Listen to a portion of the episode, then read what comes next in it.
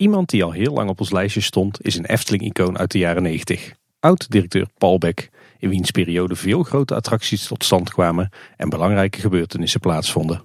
Dat het niet gelijk lukt om een afspraak te maken heeft onder andere te maken met het feit dat Paul tijdens het bezoek aan de Japan-beurs in Amerika in 2019 een infarct heeft gekregen. Waarbij hij als restverschijnsel afasie heeft overgehouden. Waardoor er soms wat moeilijker uit zijn woorden komt. Hierdoor was het de afgelopen jaren moeilijker om een afspraak te maken voor een aflevering van Kleine Boodschap. Daarom zijn wij heel blij dat het nu toch gelukt is om Paul, met wat anekdotes ter ondersteuning van zijn vrouw Agerta, voor onze microfoon te krijgen. Met veel plezier en een beetje trots hier dan een kleine boodschap van en met Paul Beck.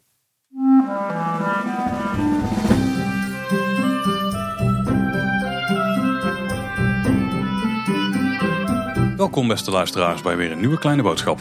Ja, welkom bij de podcast over alles Efteling. Met Tim Winsen en Paul Sprangers. Hey Tim, we zitten weer met een echte Efteling-legende aan tafel.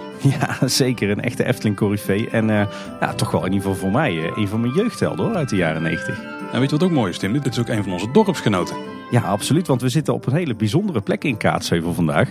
En we zitten namelijk eh, aan de keukentafel in een heuse bed and breakfast. Zeker, ja, en als we de naam ervan gaan melden, dan denk ik dat jullie het wel weten. Ja, want misschien denken jullie, waarom zitten die mannen zo 's ochtends vroeg in een bed and breakfast? Het is niet zo dat onze vrouwen ons uit huis hebben gezet, hè? Nee, nee, nee, nee. We zitten bij eh, Beck's Bed and Breakfast. Ja, en dan zal het wel duidelijk zijn. Eh, We zitten aan tafel bij Paul Beck. Welkom in Kleine Boodschap. Ja, bedankt. Dat eh, is lang geleden over de Efteling te praten. En voor iedereen die eh, Paul Beck nog niet kent. Paul Beck is natuurlijk een van de oud-directeuren van de Efteling. Woont ook nog steeds vlak bij het park. Dus voor ons heel praktisch voor dit interview trouwens. Ja, zeker. Paul die was eh, directeur van de Efteling van 1989 tot en met 1996. Dus dan kunnen onze luisteraars, eh, voor wie Paul Beck een nieuwe naam is, het in ieder geval plaatsen in de tijd. Ik denk dat er ook heel veel luisteraars zullen zijn die eh, Paul Beck natuurlijk wel kennen uit het verleden. Maar ja, la- laten we eens gewoon beginnen met een korte introductie. Want eh, Paul, we mogen Paul zeggen. Ehm, eh, kan je eens wat over jezelf vertellen? Wie ben je? Wat doe je tegenwoordig? Eigenlijk ben ik geboren 24 februari 1949. Dus als je een beetje optelt, dat wordt er bijna 74 jaar. Ik ben geboren in Semarang, Indonesië. Dat was eh, toen een tijd een kolonie van Nederland. En eh, mijn vader was daar officier het leger. Nou, toen dat over was in Indonesië, dan zijn we terug gegaan naar Nederland. En eh, zijn wij gaan wonen in Groningen. Daar heb ik de lagere school gedaan. Daar heb ik ook middelbare school gedaan. Ik heb toen op een internaat gezeten in Ter Apel, vier jaar. God, beter in Ter Apel. Ik weet niet wat je als je weer ligt, maar dat... eh, Ja, inmiddels kent heel Nederland het. Ja. ja. En eh, toen dachten mijn ouders, wat moet ik dan doen? En dat wist ik eigenlijk ook niet. En toen heb ik een opleiding gevolgd over banketbakker. Want ik wil graag naar de hooghotelschool. Maar mijn ouders zeggen, ja, ik moet wel eens even kijken of je met handen kan werken. Toen ben ik eh, daarna naar hogere hotelschool gegaan. Nou ja, en eh, toen is mijn carrière echt begonnen. Kijk aan, dus meteen al opgeleid voor de, eigenlijk voor de vrije tijdsindustrie. Ja, nou eigenlijk niet. Want daar wist ik eerlijk gezegd niet zoveel van.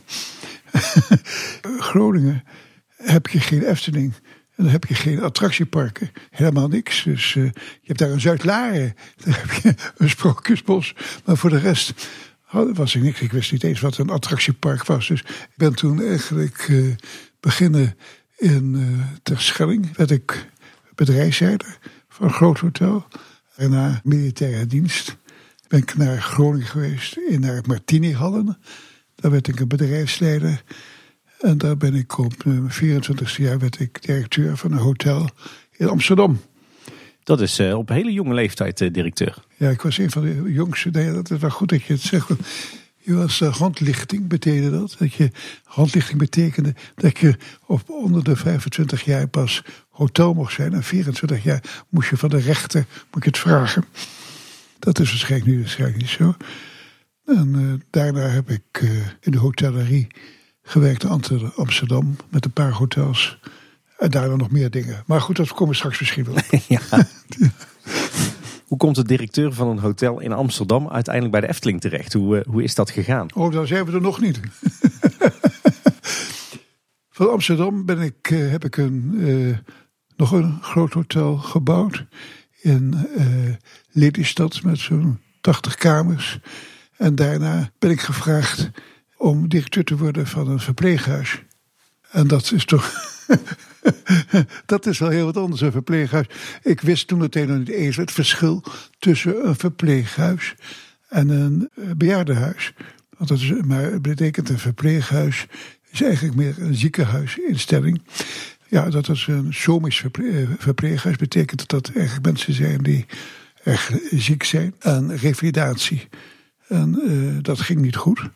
Toen werd ik daar uh, verantwoordelijk, om de, verantwoordelijk voor het hele ziekenhuis. Omdat de medisch directeur en de economisch directeur, die gingen weg. En dat verpleeg zou dichtgaan. Daar hebben we heel wat leuks gebouwd. We hebben daar, zeven jaar heb ik daar gezeten. En daar hebben we het verpleeghuis opgebouwd. We hebben afdelingen bij kunnen bouwen. Het werd eigenlijk toen de tijd het beste verpleeghuis van Nederland. En dat, uh, ja, dat was een hele goede tijd. Het was een leuke tijd. Mooie prestatie. En toen, en toen, en toen, en toen werd ik gebeld door een uh, headhunter. Dat is iemand die mensen zoekt. Die zocht iemand voor de Efteling. En ik dacht, Efteling? Ik zei tegen Agatha, Agatha is mijn vrouw. Wat is de Efteling? Want ik wist helemaal niet wat de Efteling was. Ik was nog nooit geweest. Ik had er geen idee van. En dat was in december, 4 december. Hadden we de eerste, had ik een gesprek. En die headhunter die dacht, uh, ja, ik had het gesprek wel hebben, maar ik heb gehoord dat, ja, dat zal ik zijn. We moeten een verpleeghuisdirecteur worden van een, naar de Efteling. Dat gesprek dat duurde ook maar een uurtje. Zo, zo, zo een uurtje langer duren. En dat bleek meer dan drie uur te zijn. Kijk. En ze waren al, uh, al bijna een jaar bezig een directeur te zoeken. En niet een goede kandidaat. En toen was ik voor kerst was ik algemeen directeur. En ik was er nooit geweest. Ook met die gesprekken ook niet. Want u werd eigenlijk volgens mij de opvolger van, uh, van Ruud de Klerk, hè? Ja, ten Brugge Kaarten. Dat heeft er ook tussen gezeten. Ruud Klerk, die is weggegaan. Toen is de oud-directeur, dat is uh, ten Brugge Kaarten, is teruggekomen om op te vangen om een nieuwe directeur te komen. En dat was eigenlijk toen de tijd was dat uh, nog een stichting. En zou een BV worden. Dus u trad in dienst bij de Efteling in 1989. U was er nog nooit geweest. Uh, uw eerste dag in de Efteling, hoe was dat? Wat, wat trof u aan en wat vond u ervan? Ja, nou, de eerste dag van de Efteling. Dan moet ik je toch nog waarschijnlijk wat vertellen hierover. Dat ik uh, vroeg, uh, mag ik het eens hier zien, de Efteling? Toen hebben ze geregeld dat wij uh, door de Efteling zou kunnen rijden. Het was nog geen winter, winter Efteling. De winter zag er niet uit. De bladeren was de, van de bomen af. En uh, toen was er ook de, uh, die temporige kaartendirecteur. Die vond ook helemaal niks dat ik daar directeur zou werden. en toen heb ik s'avonds Betty Henson ermee op. En wat vind je ervan? Ik zeg, ik doe het niet. Dat kan toch niet? Ja, nee, ja, nee, maar ik heb er niks mee. Hij zegt, kan niet iedereen is afgezegd. Ik heb dat verpleeghuis en de Efteling heb ik de eerste drie maanden samen gedaan. Oké. Okay. Dat ging ook heel goed. De Bruggekaarten, die was ook de eerste dag was hij weg. Ja, we hebben een hele goede tijd gehad. En nogmaals, in het begin is het toch een beetje ja, verrassen. Want ik was ook op, in februari was ik jarig. En, en dan keek je uit het raam en dan zag je uh, allemaal sprookjesfiguren naar het kantoor komen. En ik dacht, wat is dat toch allemaal? En uh, die gingen allemaal naar mijn kamer. Ik dacht, wat is dat nou jeetje? En dat waren een stuk of acht, tien verschillende sprookjesfiguren kwamen binnen. En die, uh, die feliciteerden mij met de verjaardag. dat was eigenlijk een van de eerste dagen dat ik had. Ja. Dat een warm welkom. Wees welkom. Ja, ja, daar ben ik altijd ook geweest. Ook. De beste, hebben een hele goede tijd gehad. Weet u waarom de Headhunter met u contact heeft gezocht? Waarom u een kandidaat was om directeur te worden bij de Efteling? Mazeluno is een uh, uh, groot bedrijf in Amsterdam. En die heeft uh, contact gehad via Piet van Haren. En Piet van Haren, die naam is even, die was voorzitter van de stichting Die komt uit de gezondheidszorg, was directeur van een ziekenhuis in Roosendaal. En die kende mij van uh, Vereniging van Ziekenhuisdirecteuren. En die dacht, misschien dat wij Paul zoeken, dat dat iemand is die, om dat te doen. En ik was toen 39 jaar, geloof ik. En dat was, ik was vrij jong. Toen de tijd zei men voor de Efteling. En dat, zo heeft hij mij gevonden. U ging de uitdaging dus aan. U werd algemeen directeur van de Efteling. Hoe zagen die, die eerste paar maanden eruit? Wat, wat trof u voor bedrijf aan? Laten we voor zeggen dat het een, een heel mooi bedrijf was. Al jaren. Schitterende tuin, mooie attracties, goed personeel. Het was allemaal prima. Het enige is, het moest wel veranderen. Want in die tijd, 1999, ging het niet zo goed met de Efteling. We hadden geen winst. En er was een stichting. Luisteraars weten wat de, wat de stichting was. Het moest een BV worden. Dat betekent dat je, eh, moet je een nieuwe raad van commissarissen moeten komen. Maar het betekent ook dat alles anders werd.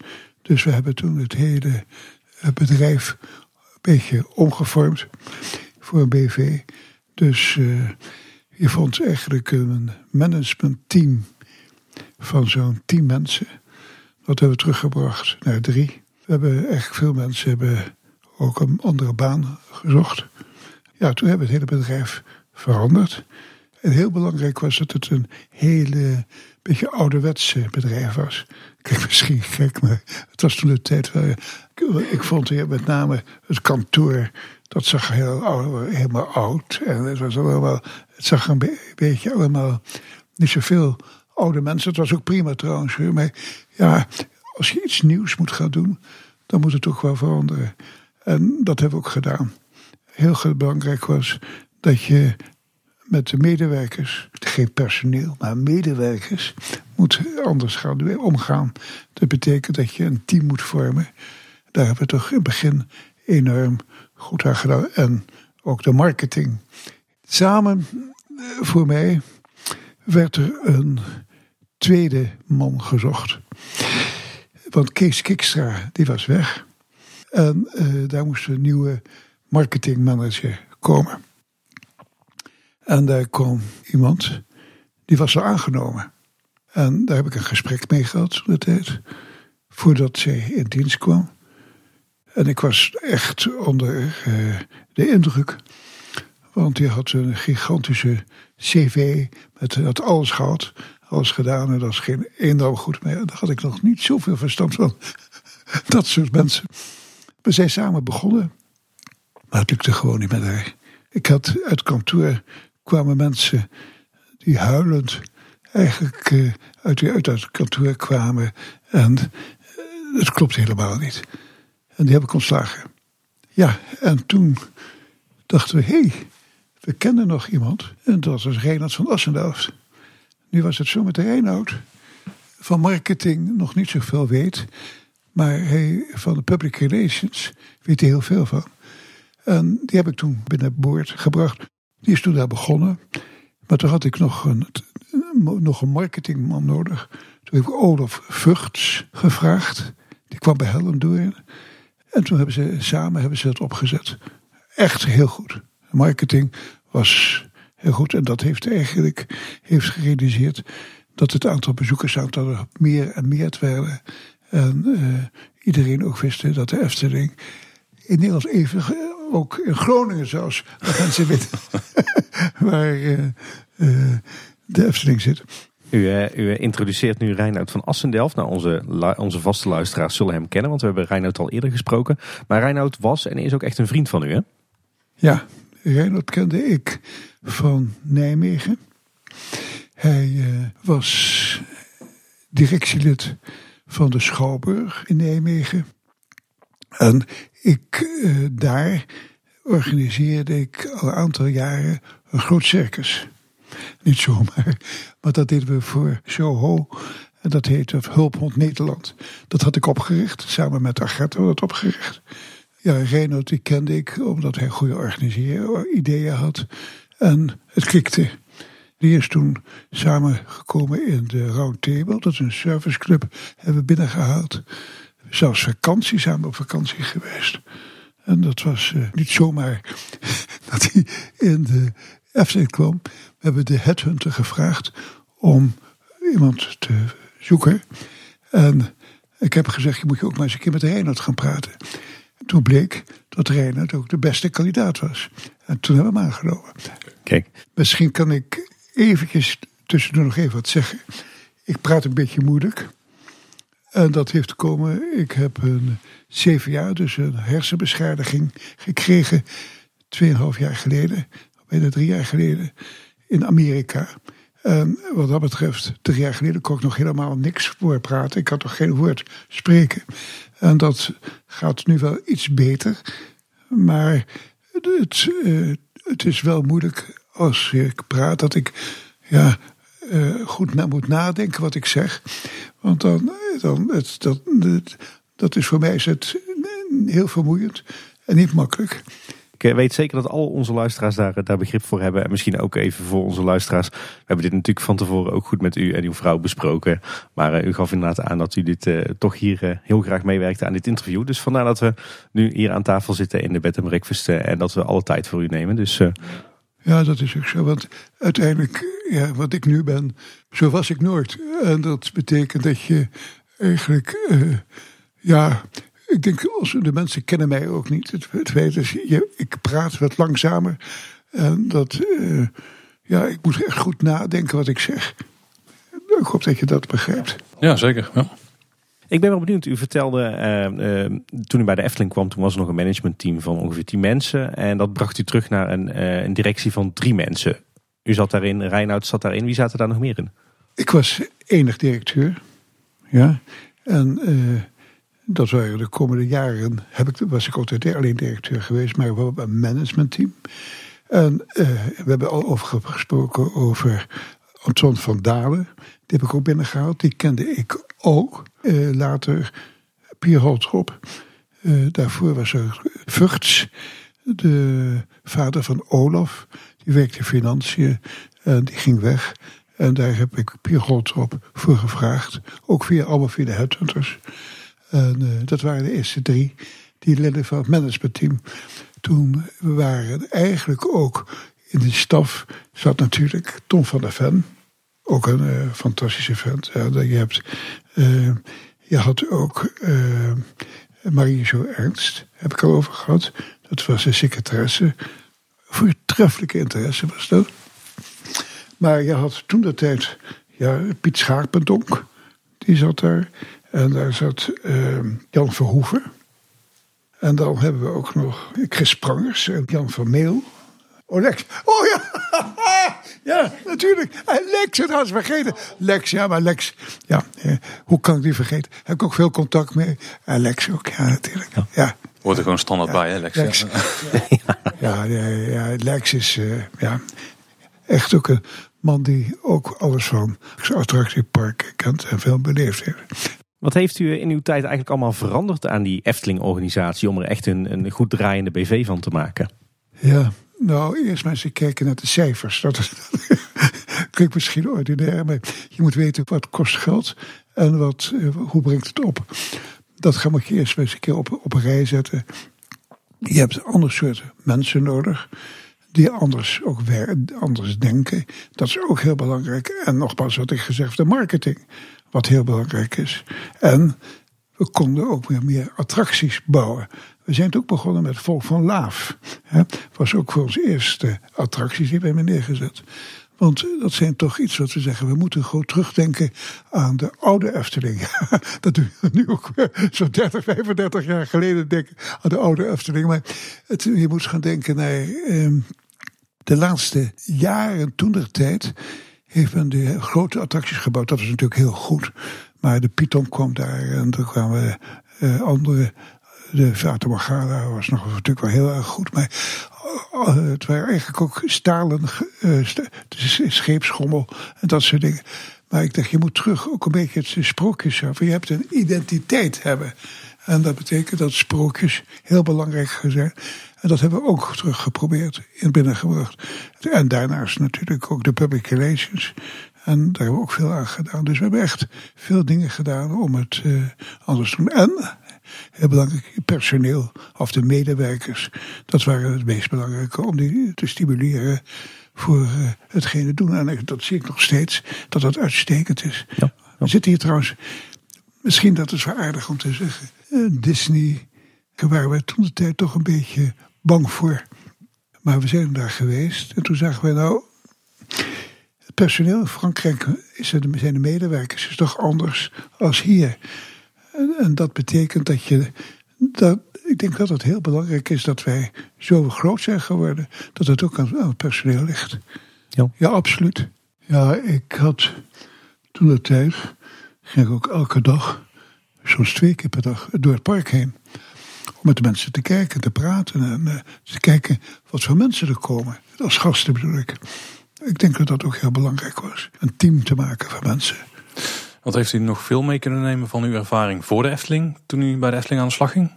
Ja, natuurlijk. Het heeft gastheerschap is heel belangrijk in de hotellerie. Wat we ook gedaan hebben, wat, uh, dat, je, dat je praat over de hotellerie. Afgezien van dat hotel hebben gebouwd hebben. Maar dat is een verhaal.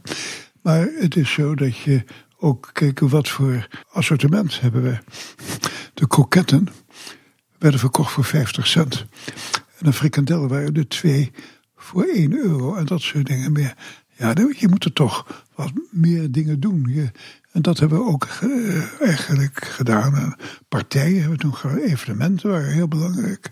Ja. Eigenlijk is er dus een, een heleboel gebeurd en veranderd in een paar jaar tijd toen dat tijd.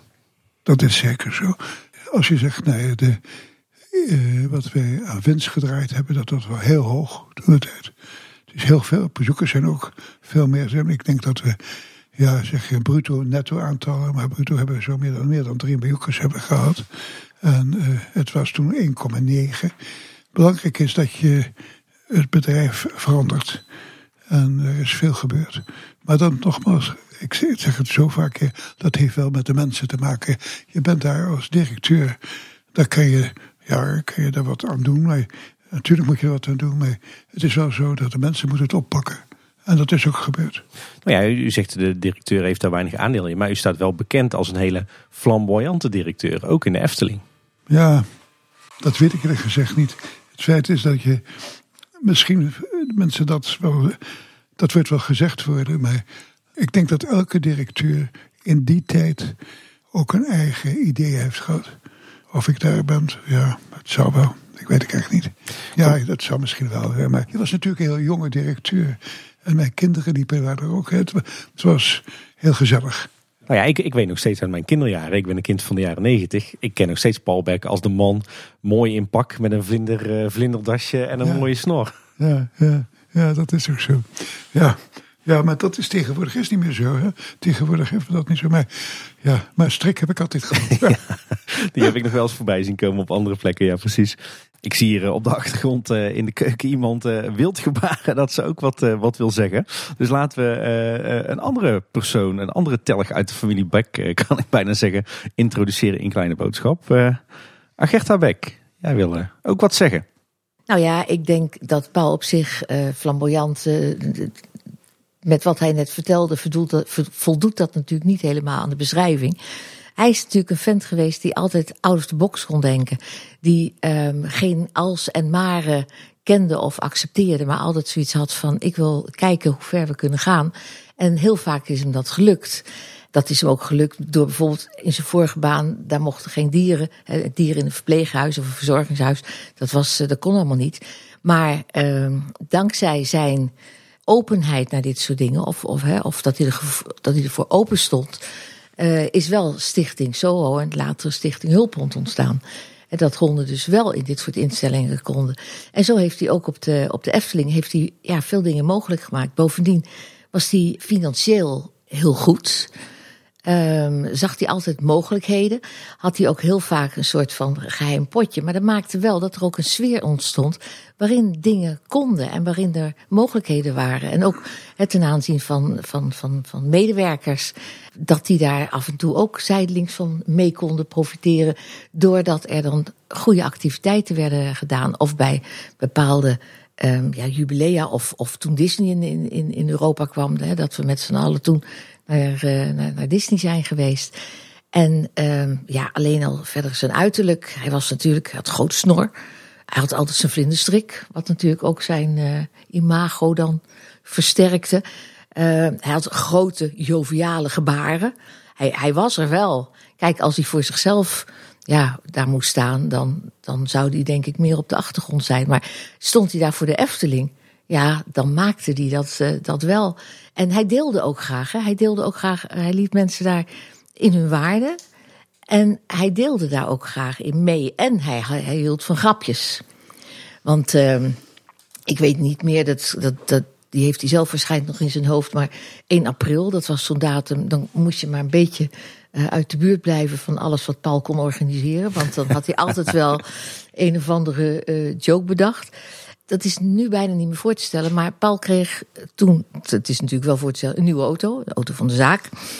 En uh, dat was voor het eerst met een centrale deurvergrendeling. Dat, dat kenden we bijna nog helemaal niet. En dan nam hij de een naar de ander nam hij mee naar zijn auto. En dan bleef hij op zijn afstand van een meter of vijf bleef hij staan. En dan zei hij tegen degene die hij mee had van... mijn auto die, die begrijpt mij. Want als ik zeg dat hij open moet gaan, dan gaat hij open. En dan stond hij daarachter en dan zei hij... Paul Beck tegen die auto. En dan had hij natuurlijk in zijn hand had hij dat, dat kastje waar hij op kon drukken. En dan gingen, gingen alle toetsen en bellen af bij zijn auto. En dan kon hij erin. En ja, dat is nogmaals, dat is nu eigenlijk onbegrijpelijk. Want centrale deurvergrendeling, ja, uh, daar wordt een kind mee geboren bijna. Maar toen was dat wel heel bijzonder. En had hij vreselijk veel, uh, ja, vreselijk veel plezier in om dat soort dingen eruit te halen. Er is veel veranderd in de jaren dat u bij de Efteling uh, actief was. Wat is de rol van de directeur uh, daarin? De eerste jaren was ik zelf de directeur. En dan was ik ook verantwoordelijk voor het hele bedrijf. En dat betekent dat ik dat moet, moest eigenlijk het beleid wat wij hebben uitleggen aan de commissarissen. Ja, toen een raad van commissarissen. En dat was een van de meest belangrijke dingen.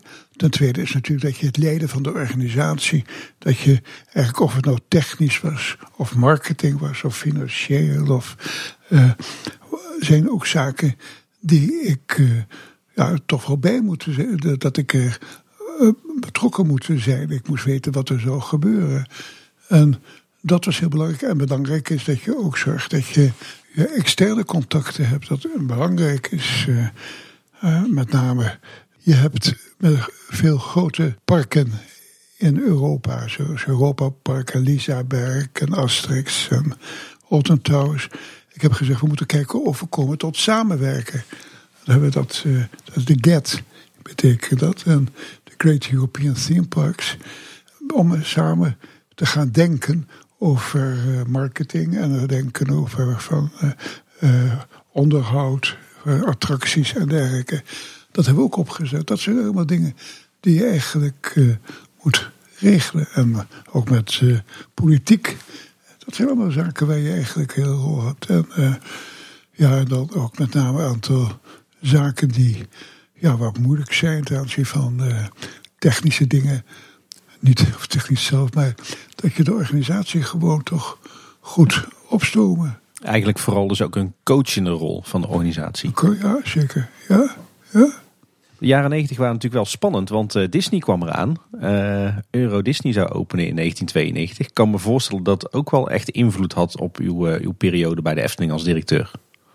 Ja, dat was, daar waren we toch een beetje bang voor. Dat, ik, ja, dat alle mensen naar de Efteling gaan, naar de Disney gaan. We hebben daar toch heel duidelijk op marketing zijn we op ingegaan. En dat ik dacht, ja, we moeten kijken of wij ook vriendjes worden met Disney. En uh, dat hebben we ook gedaan. Ik heb met de directie van de Disney ook verschillende keren gesproken. Ja, dat heeft ook wel ge gekomen dat dat ja, ook heel goed ging. We zijn ook, hebben een hotel gebouwd toen de tijd hier, Efteling Hotel. En uh, dan kreeg je ook mensen. Dus je, je wordt wel heel serieus gezien. En wat heel belangrijk was, eigenlijk ook was dat wij in 1994 uitgeroepen zijn tot het beste par park van de wereld. Ja. En dat is natuurlijk ook erg belangrijk. Ja, ja de, de applausenwoord uh, ontvingen jullie toen. Ik kan me voorstellen dat dat ook wel een, een bijzonder moment was voor, voor u en, uh, en de rest van de organisatie. Ja, ja, ik had het eigenlijk niet verwacht. Uh, ik hoorde dat, ze, dat wij op de lijst stonden om eventueel uitgeroepen worden tot best park. Ik denk dat dat ook heel goed zou zijn. Maar ja, het, uh, ik zou er aanvankelijk niet gaan. En toen heb ik gebeld naar de voorzitter. Ik zeg ja, ik ga alleen naar Amerika als ik weet dat we het zullen worden. En, en zei nou, ik zou toch maar gaan. En toen hoorde ik dat zou worden. En uh, toen hebben we meteen ook Reinoud geregeld. Dat het ook hier en, ja, voor de televisie zou komen en uitgeroepen zou worden. En, ja, daar waren we toch heel blij mee. Ik moet zeggen dat uh, we met elkaar toch wel heel erg trots ons oppark het beste park zou worden van, van de wereld. En terecht, ja. Ja, ja. Moet wel lachen. Laatst, laatst waren, of laatst vorig jaar waren we genomineerd voor een podcastprijs. Uh, dus ik zei uh, tegen Paul, tegen onze Paul, ik zeg, we doen even een Paul Bekje. oh, ja. Op verschillende momenten, niet, niet iedereen snapte het, maar wij zeiden ook, we gaan alleen als we winnen. ja, ja, dus uh, inmiddels een gevleugelde term bij ons, bij ons in de redactie. Ja, dat hadden we ook niet alleen maar maken met het park zo mooi is. Maar het heeft ook maken hoe op het management hebben wij ook, kregen wij een heel. En de werkers natuurlijk ook, ja. ja, ja. ja. Je vertelde aan het begin, de Efteling werd begin jaren 90 ging van een stichting naar een BV. Daar kwam een raad van commissarissen. Ik denk dat het ook wel even wennen was aan die structuur met een, stichting als eigenaar en een raad van commissarissen en een, directie. Was u daar nou ook een beetje de smeerolie in? Uh, dat was in het begin was dat niet makkelijk. Of makkelijk. Het was uh, in zoverre, de structuur was niet makkelijk, omdat je de stichting altijd de baas was. En de raad van commissarissen eigenlijk maar bijkomen. En die moeten ook wennen aan die structuur. Binnen een jaar was dat al opgelost. Doordat ik in principe met de raad van commissarissen één keer in de anderhalve maand, twee maanden vergaderde. En voor de rest de directie het beleid bepaalt of zo bepaald door de, de, de raad van commissaris, maar dat wordt de directie die, die, die doet het. Ja. En de stichting had ik eigenlijk in principe alleen maar te maken ten aanzien van de jaarrekening. Voor de rest heb ik geen bemoeienis met, met de stichting. En de samenwerking met die raad van commissarissen, die liep wel goed? Dat ging goed, ja. Ja, ja, dat, ja dat, in principe ging dat goed. Wij hebben dat... Uh, behoorlijk geïnvesteerd in de. Ja, ja we hadden, in principe hadden we. Gooi, we hadden de, we hadden de Raad van Commissarissen. De, de voorzitter hebben we wel gewisseld. En dat ging niet zo goed met de, organisatie. Maar voor de rest is het allemaal heel goed gegaan. Ik begreep wel dat jullie fameuze kerstbijeenkomsten hier thuis toch ook wel uh, smeerolie zijn geweest in, uh, in de verhoudingen tussen de, de Raad van Commissarissen, de stichting en, en het management van de Efteling. Nou, de kerstbijeenkomst. ja, dat hielden wij eigenlijk één keer jaar. Hier in huis.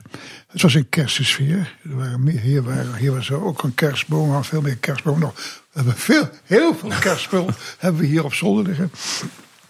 En dat was, uh, dat was heel, heel gezellig. Wij zijn, uh, wij zijn hier natuurlijk uh, naartoe gekomen in 1990. Toen zijn we hier in het huis gaan wonen. En uh, iedereen was hartstikke benieuwd naar, nou, waar woont de directeur nou toch? En daarop bedachten Paul en ik dat het misschien leuk zou zijn om iedereen uit te nodigen. En dat wil zeggen, uh, directie en staf.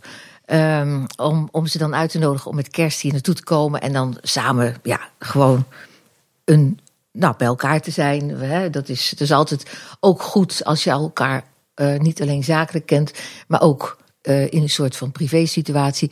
En bovendien, de partners kwamen mee. Dus, dus dan ook daar is het belangrijk voor.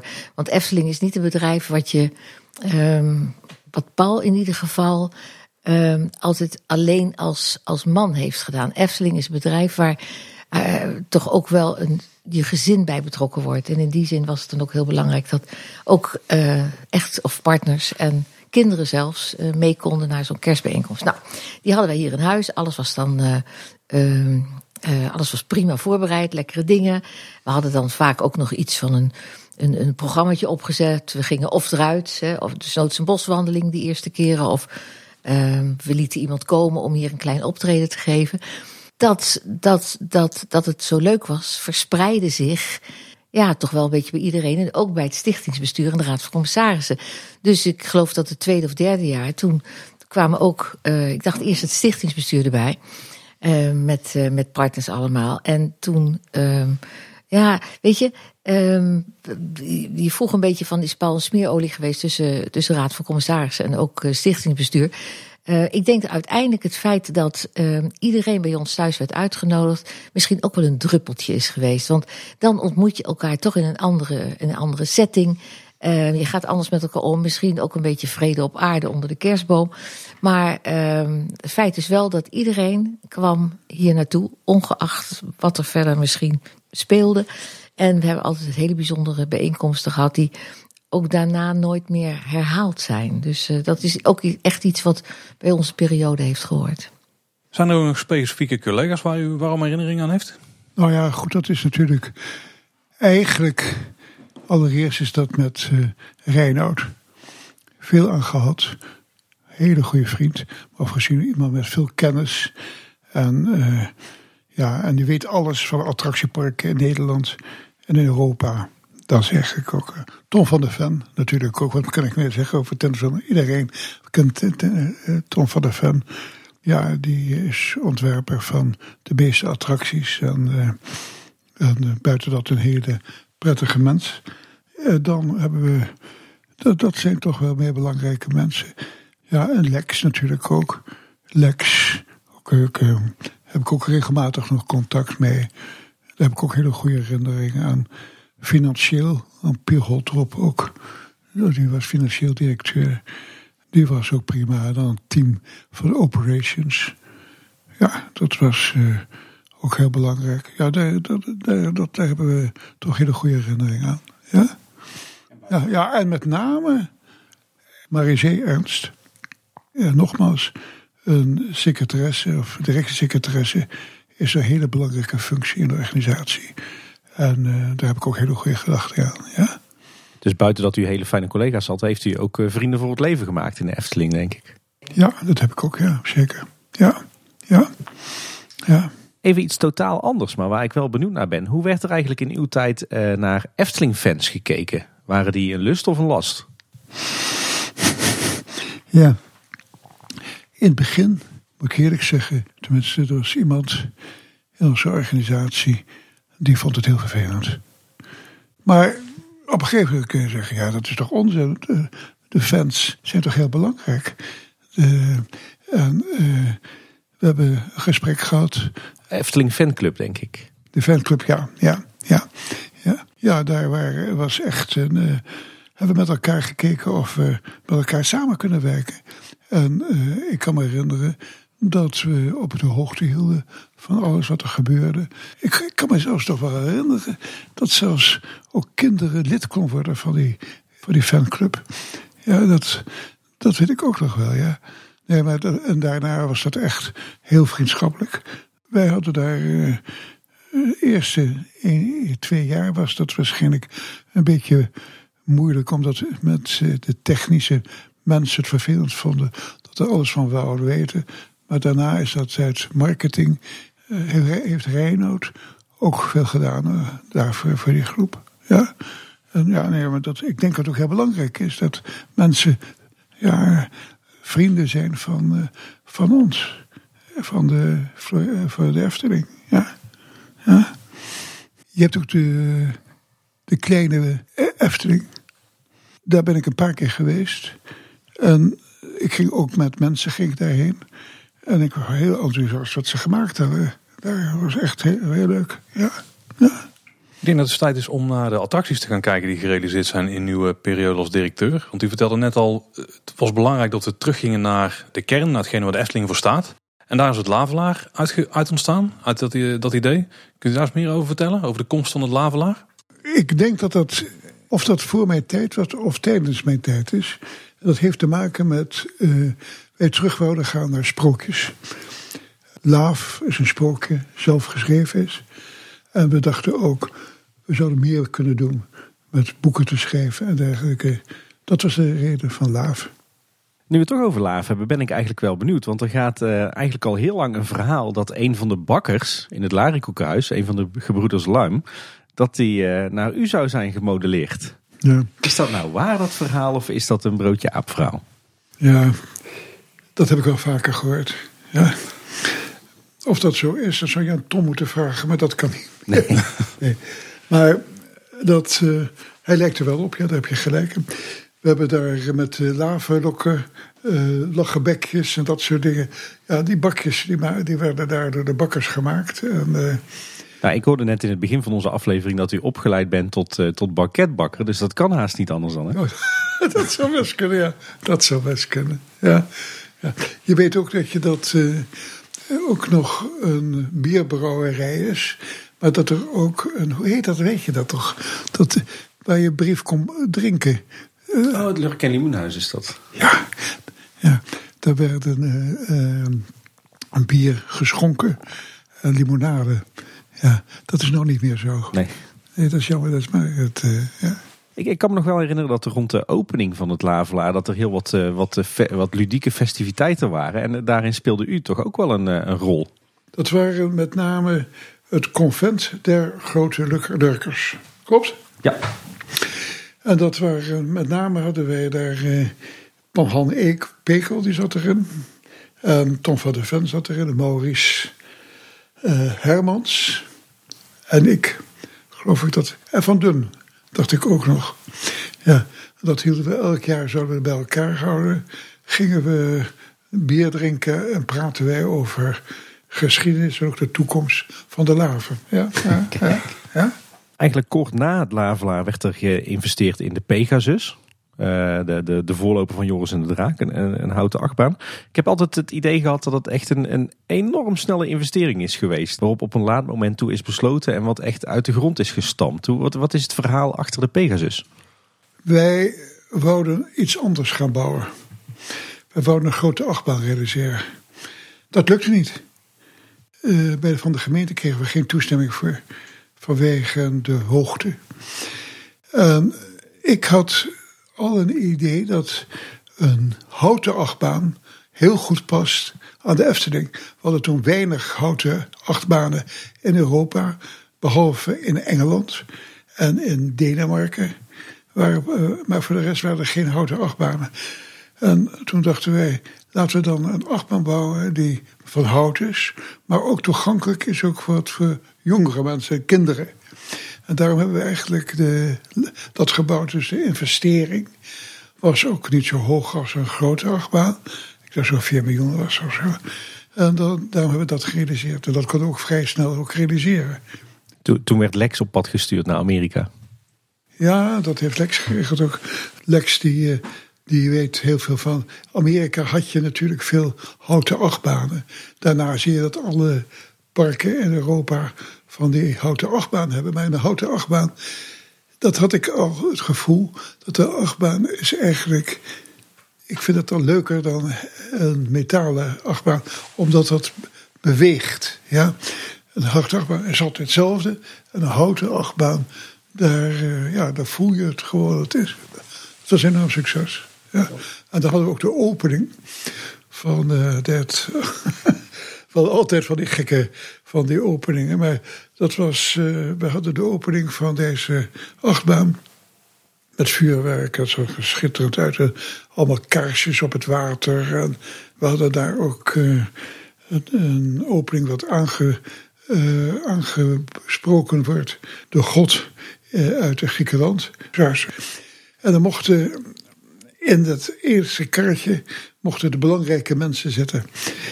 En dat waren wat commissarissen, de burgemeester en ik denk ook de minister en dergelijke. En hartstikke mooi weer. En hij werd opgeroepen eigenlijk, oh, Zeus, kom weer en dergelijke. En mensen gingen het krijtje zitten. En voor het rijtje omhoog ging, stond hij stil. En ging het regenen. Verschrikkelijk. Ze waren kletsnat. En ze konden er niet uit. En daar hebben ze, ik geloof dat ze zo'n tien met een kwartier in het kastje, in de kastje kletsnat gezeten.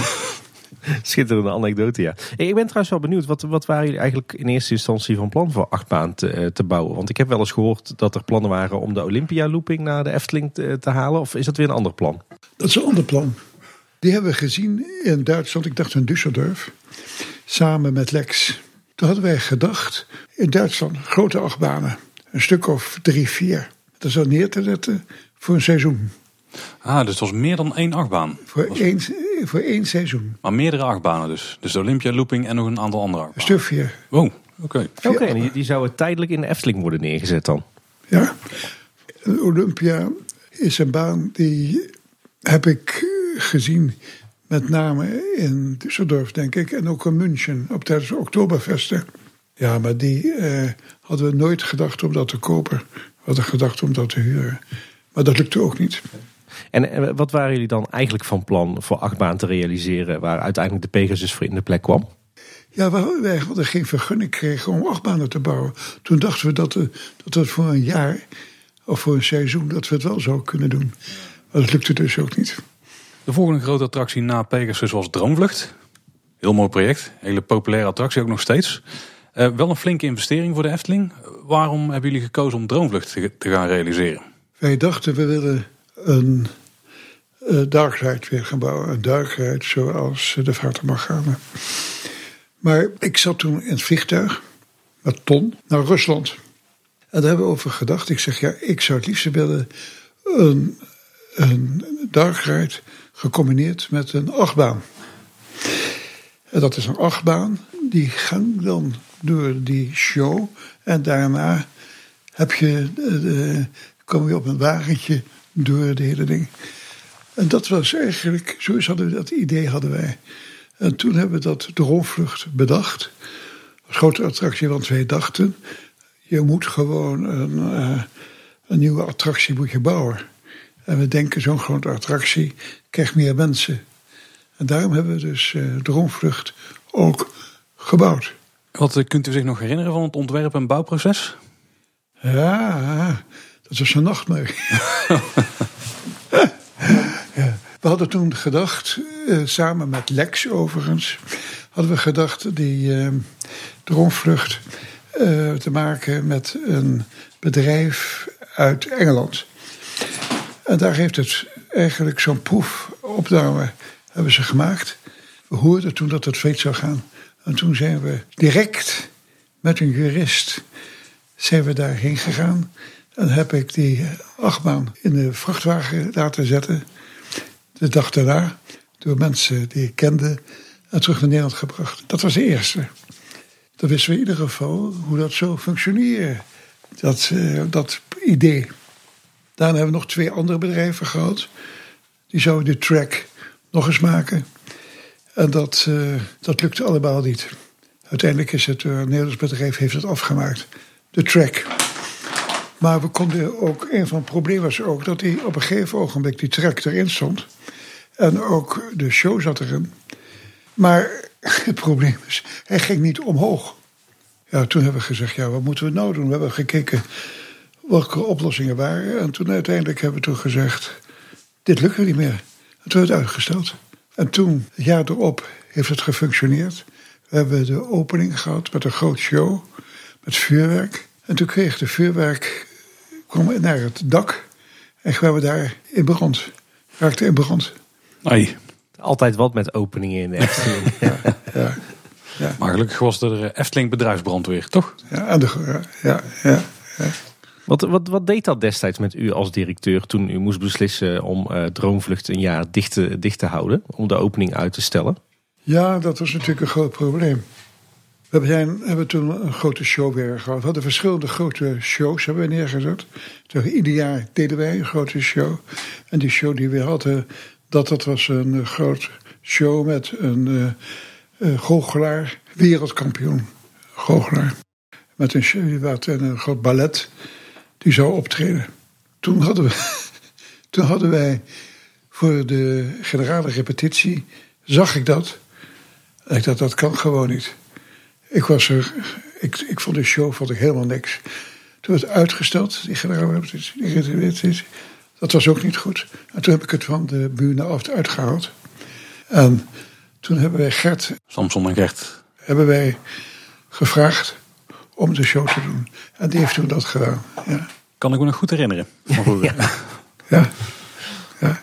Maar u was als directeur dus ook degene die bij die show ging kijken en het besluit kon nemen, dit gaan we dus niet doen. ja, dat doe ik. Ja. Ja. Ja. Ja. ja. En als u terugdenkt aan de tijd van Droomvlucht, hè, het moment dat eigenlijk eh, alles misleek te gaan. Hoe denkt u daaraan terug? Wat heeft u daar nog eh, voor herinneringen aan? Wat was dat voor tijd? Het is wel een, eh, een probleem geweest met de droomvlucht. Met name de technische problemen daar waren. De show zag er fantastisch uit. En ook de het inrichting was ook mooi. Maar met name die, die track was een, echt, een, echt een probleem. Maar toen ik klaar was en alles werkte, dan kan ik niet zeggen dat het de beste show was. Het was net zo goed als Fata Morgana die we hadden. Ik ben heel blij mee dat we het gerealiseerd hebben. Ja.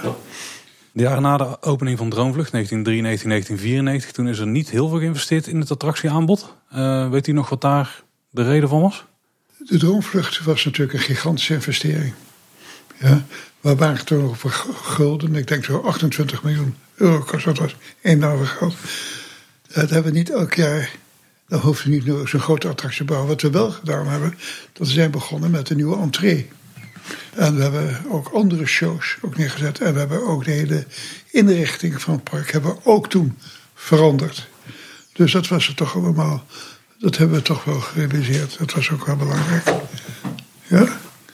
Eh, de laatste attractie die, eh, die werd eh, gerealiseerd in de, de periode waarin u directeur was, was Villa Volta. Natuurlijk ook een enorm succes. Kunt u zich nog, eh, nog herinneren hoe, hoe dat verliep? Want ik begreep dat dat een, eh, nog een oud ontwerp was wat eh, op de plank lag. Ja, dat was, een, was al voor mijn tijd, was dat al, al heeft Ton al geschreven. Maar we durfden het niet te bouwen. Ze waren bang dat mensen kotsmisselijk werden in, in dat apparaat. Dus we zijn toen naar Engeland gegaan en we hebben daar gekeken naar een park waar zo'n attractie stond. Die wel zo'n 70, 80 jaar oud was. En toch maar zes tot acht mensen in konden zetten. En toen zeg ik, ja, het zou kunnen. Maar veel mensen in de organisatie, in de organisatie, die was maar niks. Maar ja, we moesten wat. Dus daarom hebben we toch dat gebouwd. En dat is de ton fantastisch meer gerealiseerd. Ja. Was in prijs was het ook niet heel dure attractie. Ik zou 4 miljoen gulden kosten toen het tijd. Maar wel heel snel gerealiseerd. Ja, binnen een jaar denk ik. Ja. En uiteindelijk een enorm groot succes. Weet u, weet u waardoor dat zou komen? Ja, ja waarschijnlijk opnieuw was.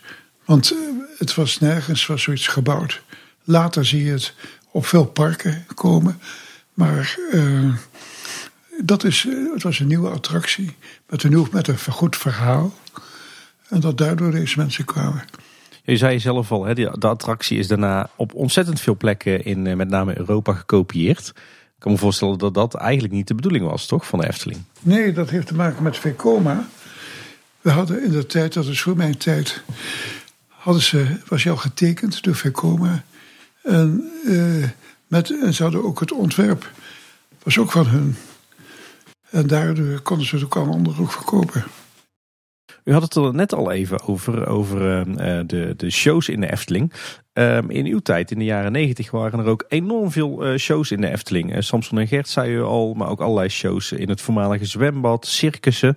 Had u daar ook nog een rol in? Ja, ja. We hebben gehad eerst de Up With People. Ja, ja, daar, daar heb ik nog wel wat vage herinneringen aan. Ja. Ja, ja dat is. eh, daarna hebben we de Russische circus gehad. En met, met het Cultuurinstituut van uit Moskou.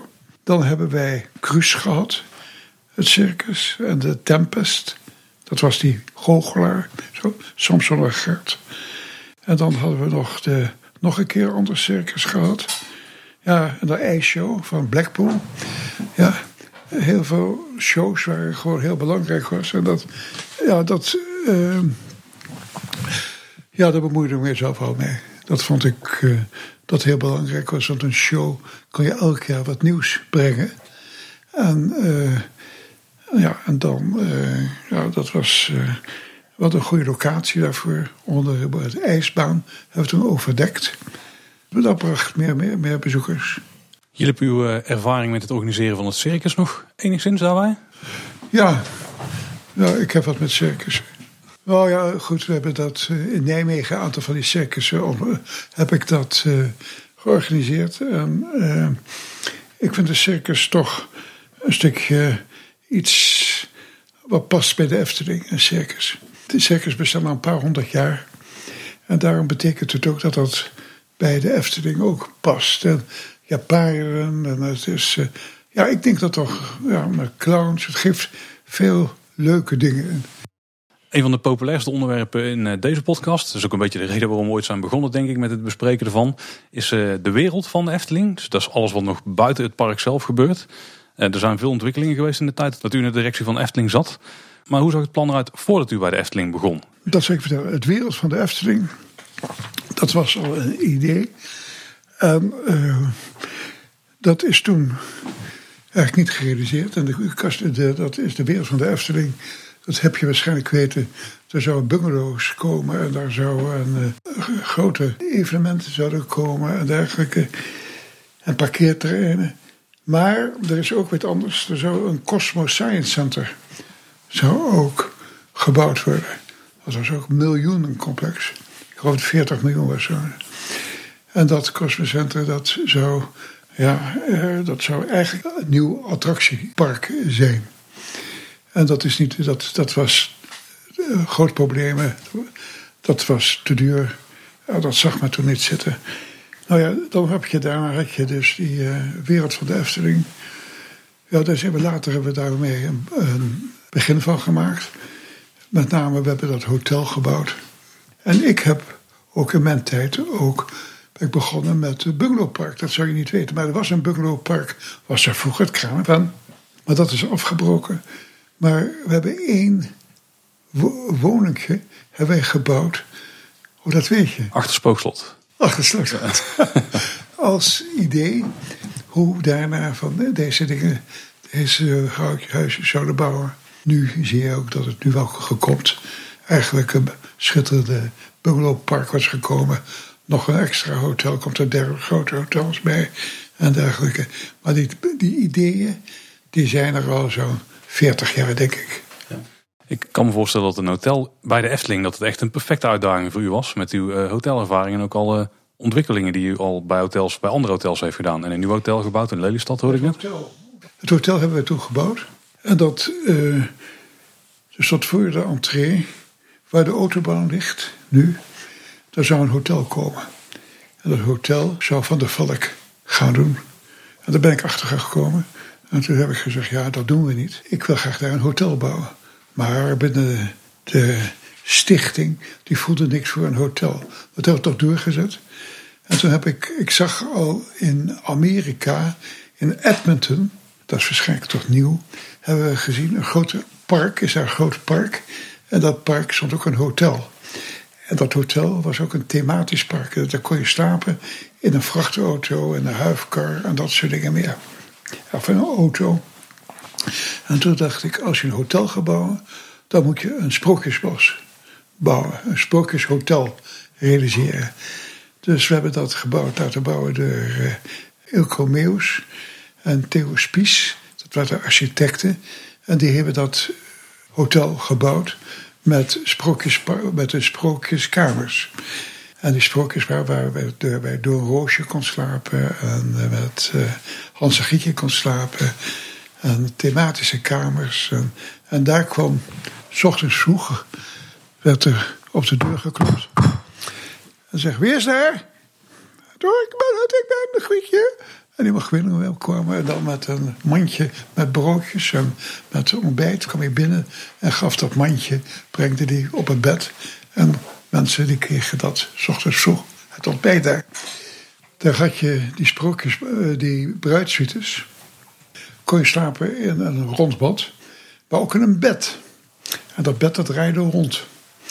En ook daar kan s ochtends vroeg geklopt worden op de, tafel, op de deur en daar ging een lakij en uh, die vertelde erotische sprookjes voor het bed. Kijk, dat is iets dat staat niet in, uh, Ja, in de standaard ja, eh, geschiedenisboekjes van de Efteling. Ja, dat is. eh, en ik, het hotel. Ik denk dat het ooit een paard was. wat niet in de lift heeft gezeten van het hotel. Ik werd een pony. En elke dag, elke avond ging ik weer naar het hotel. om te kijken hoe het daar was. En dan nam ik een pony mee. En toen is die pony eerst toen in de park in de lift geweest. Naar bovenste etage. Zoals trouwens ook een van de honden, dat is deze hond met de hond hiervoor, die kwam ook op de Pegasus. Die heeft ook een keer zal de enige hond zijn geweest. Ja, precies. Zo heb je een, eh, een, een Russische hond die mee de ruimte is geweest. Maar de hond van de familie Beck die ging mee in de Pegasus in. Ja, die had hem. Ja, ja, ja. Ja, schitterend. Een aantal jaar later werd het golfpark aangelegd. Ook een eh, forse investering. Van waar het golfpark? Men had gedacht om daar het Heineken Open te realiseren. Zo was het ook aangelegd daarvoor. En wat had ook gedacht dat er in het bungalowpark wat zou daar aan te realiseren. Dat het eh, mensen kwamen ook zouden gaan golven. En daarbij kwam het ook nog dat de commissarissen heel gek waren om, om te golven. Dat was ook nog wel wat. Maar het is niet een investering geweest wat eh, veel geld verdiend heeft. Nee, nee. Maar het is wel zo dat de terreinen te kort waren, aangekocht werden. En dat was natuurlijk wel goed om later iets anders op te realiseren. Als daar bungalow te realiseren op die punt in de toekomst, dat je dan toch de grond nodig had. Een andere investering datzelfde jaar was het, eh, het Huis van de Vijf Zintuigen. Het nieuwe entreegebouw van de Efteling. Eh, wat, wat is daar het verhaal achter? Waarom moest er eh, ineens zo'n enorme entree gebouwd worden? De entree lag eerst op waar nu het Droomvlucht ligt. En eh, daar moest het weg. Hadden die ruimte daar nodig, ook nieuwe attracties te realiseren. En ten tweede was het zo dat ik vond dat je er binnen zou komen, dat dat groots moet zijn. En er komt ook een nieuw parkeerterrein bij komen. Ton en ik waren in Indonesië en toen zagen wij gebouwen op deze wijze gebouwd werden en, eh, voor de mensen die woonden daarin. En toen zeiden we, goh, we maken het punt, we maken het op deze wijze. En toen hebben wij het entree op deze wijze gemaakt. Een heel eh, bijzonder initiatief dat eh, in uw tijd eh, ontstond was natuurlijk Villa Padus. Het vakantieverblijf voor, voor ongeneeslijk zieke kinderen. Wat is uw rol daarbij geweest? Er was ooit een bedrijf die de Pardoes heeft gemaakt. En de eigenaar daarvan, dat is meneer Hoeben. En die ging weg.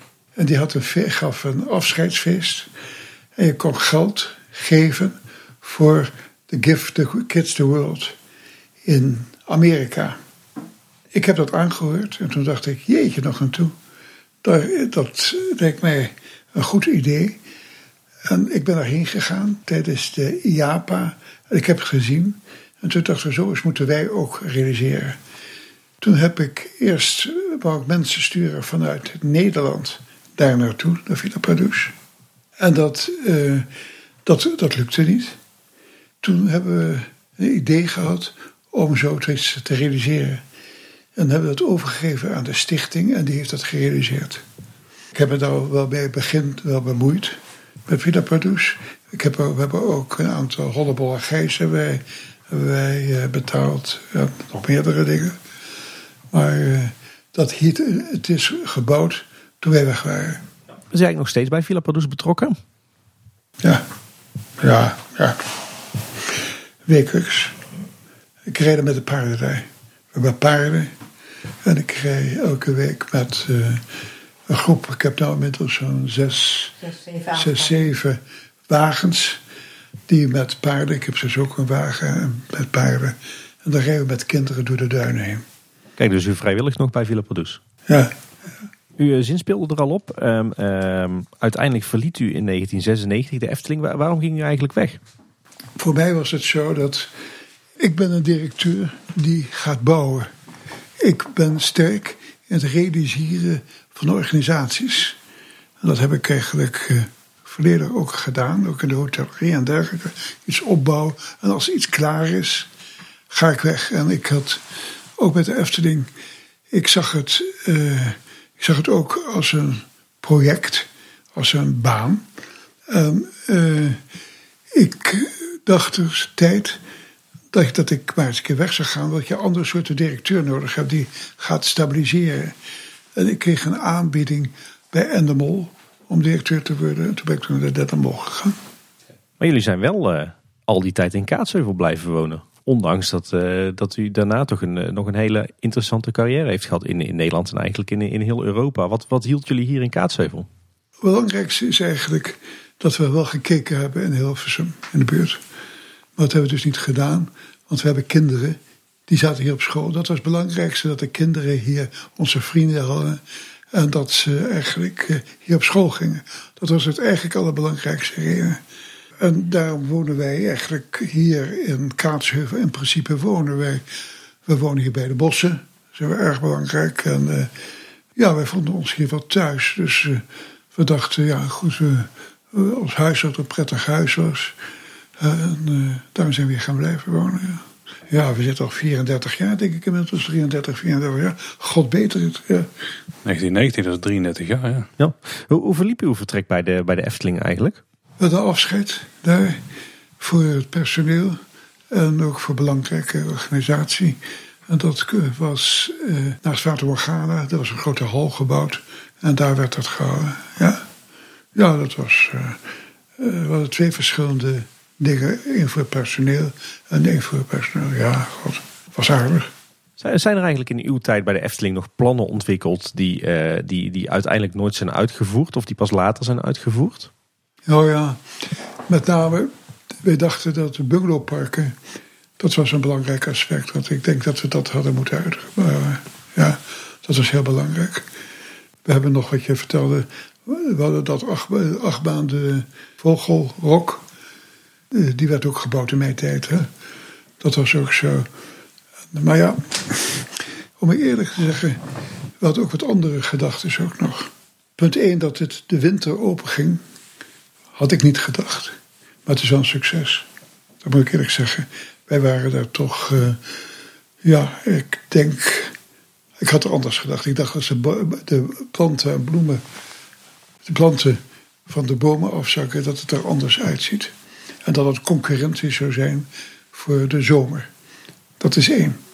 Maar voor de rest had ik waarschijnlijk wel willen denken om er een tweede park te bouwen. Of een zwembad. Een ander product. Want op een gegeven moment hou je, loop je vast met de Efteling. Nu nog steeds niet. Maar ja, daarom gebeurt dat nu. Wat er hier gebeurt, wat er weer bijgebouwd wordt met ondergronden. Maar op een gegeven moment houdt het op. Je gaat attracties bouwen. En op een gegeven moment kan je geen attracties meer bouwen. Dus ik dacht dat ja, dan kan je beter investeren in een tweede park. Dan te bouwen in iets wat op een gegeven moment ophoudt. Want op een gegeven moment houdt het gewoon op. En dat hebben ze niet gedaan. We zijn trouwens bezig geweest om uh, Asterix te kopen. Frankrijk. Park Asterix, ja. En uh, we zouden daarnaast ook nog een park bouwen. Maar dat was een probleem daarmee. Eigenlijk, we hebben de grond wel, maar niet toegankelijkheid. Het was niet makkelijk met de wegen toen de tijd te komen. Maar dat was wel belangrijk, omdat een zwembad zoals je dat nu ziet bij Europa Park, zo is het eigenlijk zou ook bij ons kunnen komen. Hadden wij ook toen de tijd gedacht. Ja? Nou, wanneer kan het komen? Wij zouden ook Arjan van Dijk zouden ook kopen. Kijk, je moest groter worden. Ja, en dat was. Uh, ik was bang, maar zo zie je dat je ook fouten maakt, dat je op een gegeven moment vastloopt. Je kan geen 10, 20 jaar in mijn ogen. Op een gegeven moment houdt het op. Snap je dat? En dat had, had ik gedacht, mijn gedachte om daar een aanzet te geven.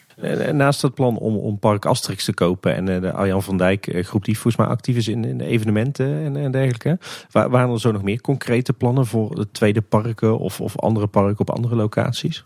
Nee, dat was eigenlijk de belangrijkste punten. Het was, uh, dat Asterix was een optie. En, uh, en dat was eigenlijk een grote uh, cateringbedrijf wat uh, op verschillende locaties zou werken. Je moest groter worden. Ja, dat is niet gebeurd.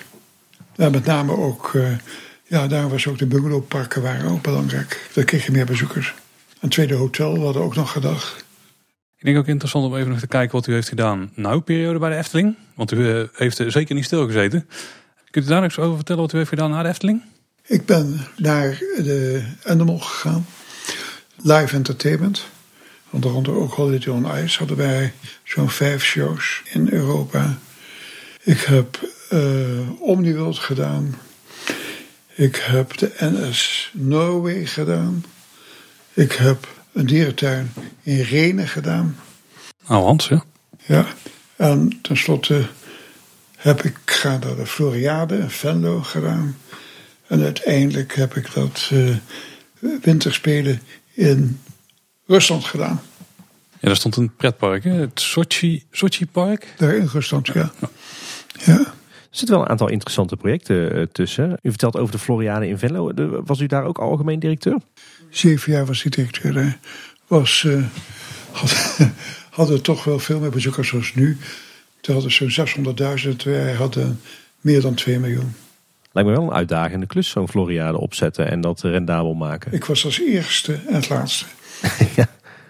Oh, u heeft dat echt vanaf het, het allereerste initiatief van de grond getrokken eigenlijk? Nou ja, de ideeën waren er al eerder natuurlijk met de Floriade. Ik heb het eigenlijk... Ja, ik ben begonnen ook voor dezelfde headhunter die mij ook naar de vaartborg gaan gehaald heeft. Uh, dat, uh, daar heb ik eigenlijk, was ik de eerste in dienst aan boord. En min of meer als de laatste weggegaan. Hebben we opgezet, ja. ja. Met, met uw ervaring, hoe kijkt u dan eigenlijk aan tegen de, de, de ophef die nu ontstaat rond eh, de, de meest recente uh, Floriade uh, in Almere, die toch nou niet bepaald een succes was? Wat, wat is uw kijk daarop? Ja, weet je, ik vind het eigenlijk niet aan mij om dat aan te geven. Het feit is, dat is gebeurd en ik weet ook niet alles. Maar aan de andere kant, ik kan wel zeggen dat er met de Floriade twee dingen wij wel deden. Dat je zorgde dat je bij het begin alles goed geregeld hebt. En dat je niet moet bemoeien, laat bemoeien door de gemeente. Maar dat je een eigen organisatie hebt. En, en, en misschien ook dat ze niet zeven directeuren nodig hadden. Uh, bij ons was maar één directeur van begin tot het einde. Dat is heel belangrijk. En voor de rest vind ik het, een, misschien kan ik het zeggen, een schande, onhadingstekens, dat in een gebied in, het, in, de buurt van Amsterdam en Rotterdam zoveel mensen wonen, zo weinig mensen komen. Eh, maar misschien past een Floriade niet meer in deze tijd. Dat kan ook zijn, niet. Een andere interessante die je noemt is uh, Sochi Park in, in Rusland. Wat was dat eigenlijk voor park? Het was een groot park, grootste park in Rusland. Eigenlijk in principe, een, het was wel een heel mooi park. Ook mooie planten en bloemen en dergelijke. We hebben het in negen maanden gebouwd. Oh, zo. En een groot hotel. En dat park had ze grote achtbanen, mooie achtbanen. Echt hele grote, grotere die wij niet hebben hier. Een uh, show en dat alles. Maar dat hebben we eigenlijk pas in vijf maanden hebben we het helemaal neergezet. Dat is ongelooflijk, dat is toch nooit gebeurd. Ook een hotel is ook negen maanden met zo'n 250 kamers. Het belangrijkste hotel, eigenlijk voor de Olympische hebben we ook gebouwd. En op een gegeven moment had ik zo'n 2500 mensen werken daar. Zo. Ja. Weet u hoe, hoe het nu met het park gaat daar? Nee. Nee, weten we echt niks van. In deze tijd is het helemaal moeilijk. Hè? Kijk, het punt is met attractieparken is sowieso een hele moeilijke business. Dat gaat ook voor uh, veel attractieparken lukken gewoon niet. Mensen denken een paar jaar van tevoren, denken ze zoveel bezoekers en dan komen de helft. Of de investering is de helft, is het. Dus dit hadden ze wel helemaal geïnvesteerd.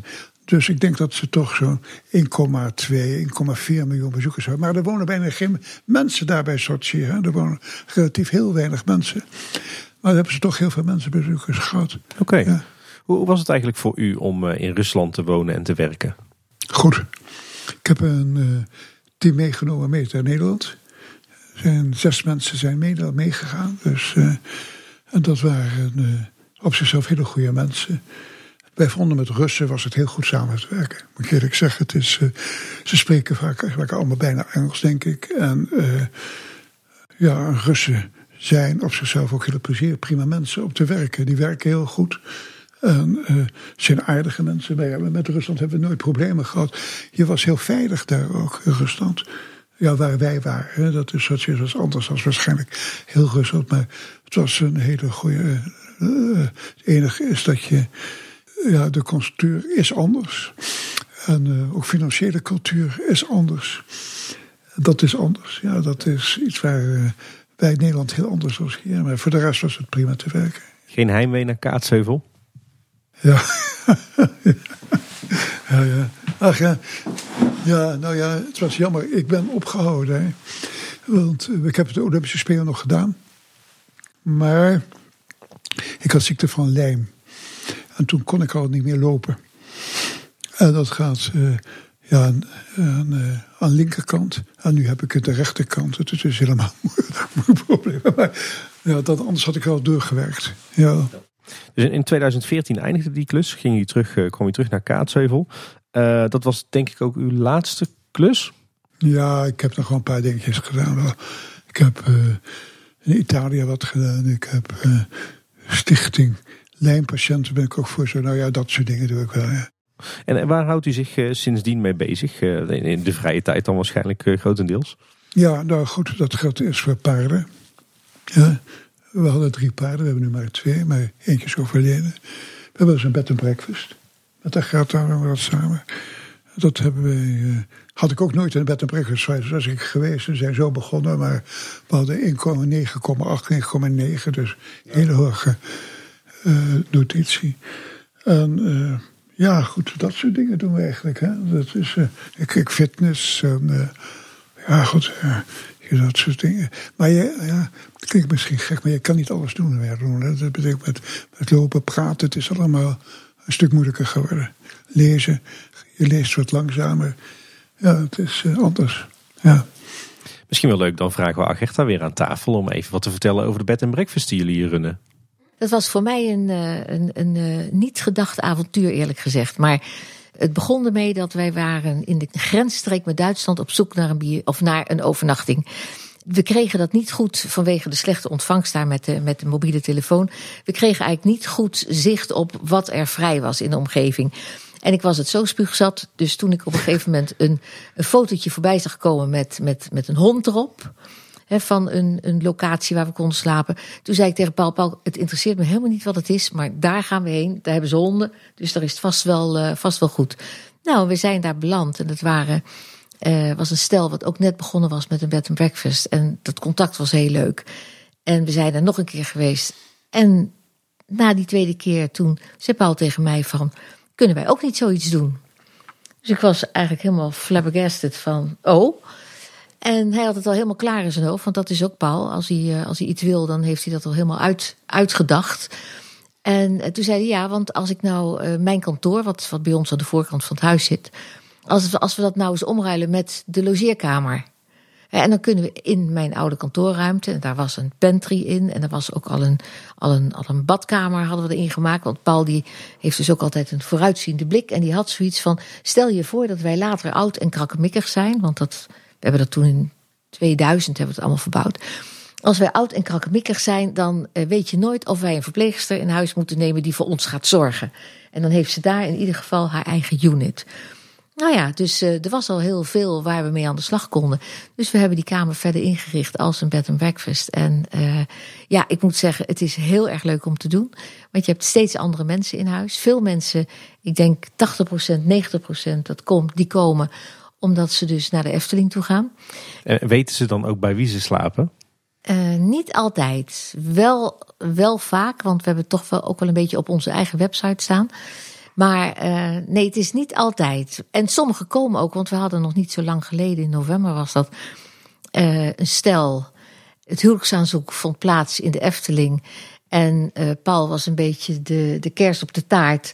Want uh, een van de partners was dus helemaal idolaat van de Efteling. En dan ook nog slapen bij de Efteling. En mogen we dan alsjeblieft een gesprekje hebben met de oud-directeur van de Efteling? nou ja, ja, natuurlijk. Want ik bedoel, dat is natuurlijk een van de leuke dingen.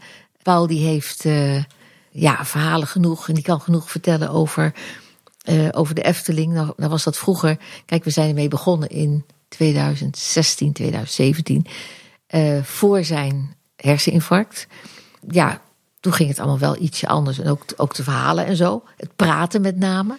De verhalen zitten er wel, maar ja, het praten is gewoon best wel moeilijk voor hem. Dus, uh, maar goed, iedereen vindt het nog steeds uh, hartstikke leuk en geeft ons ook, geeft hem met name de tijd om, om, om, uh, ja, om zijn verhaal kwijt te raken. Dus dat is gewoon heel leuk. En het is ongelooflijk hoeveel aardige mensen er zijn. Want ik denk niet ehm, dat we echt onaardige mensen hier gehad hebben. En ja, en mensen komen natuurlijk met een goede moed, hè. Dus het is, het is een romantische kamer ehm, die zich, denk ik, onderscheidt door de atmosfeer die er is. En, en, heel veel mensen, we hebben ook wel mensen gehad die uh, sliepen dan uh, één nacht in het Efteling Hotel. Dan hadden ze voor twee dagen kaartjes. En dan kwamen ze de tweede nacht, want wij zijn natuurlijk een stukje goedkoper dan het Efteling Hotel. En dan kwamen ze hier slapen. En dan hadden ze toch het idee dat ze nog steeds in de Efteling waren. Dus... Het is een eh, prachtige omgeving, prachtig huis, prachtige tuin ook. En overal dieren, dus uh, ja, absoluut een mooie ambiance hier om in te ja, Nou ja, als je het, als je het over de, de, de fanclub hebt... Uh, de honden hebben hun eigen fanclub. Want die, uh, die staan ongelooflijk te blaffen als je aankomt. Maar zodra je dan uh, ja, toch binnen bent, dan merkt iedereen hoe, hoe lief en aanhankelijk ze zijn. En... Ja, zo weten de aandacht al op thuis. Ja, dat kan ik wel bevestigen. en, en ik begrijp dat er ook nog een link met Sochi zit, toch? Ja, ja. Paul zat in Sochi en die moest natuurlijk ergens wonen. En we hadden eerst een appartement. Een appartement, dat is, dat is niks voor hem, dat is niks voor ons. Dus we zijn op zoek gegaan naar een huis. En er waren meerdere huizen, maar één huis had bij hem de voorkeur, want er zat namelijk een poes op de stoep. Dus dat huis werd het. En uh, die poes bleek een moederpoes te zijn met een jonkie. En dat jonkie hebben wij, of een, ja, een kitten. En dat kitten is op een gegeven moment bij ons echt in huis gekomen als huispoes. Maar, um, en nou gaan we eventjes naar januari 2014. Er liepen heel veel honden rond in Sochi. Af en toe hadden ze daar ook razzia's. Dus dat was echt niet leuk om te zien, want dan wist je gewoon wat er met al die honden gebeurde. En eh, op de bouwplaatsen van de Olympische Spelen, daar waren ook heel veel honden. En iedere bouwplaats had zo'n beetje zo zijn eigen honden. Ja, die honden kregen eten toegeworpen en die, ja, die floreerden wel. En die kregen dus ook allemaal weer puppies.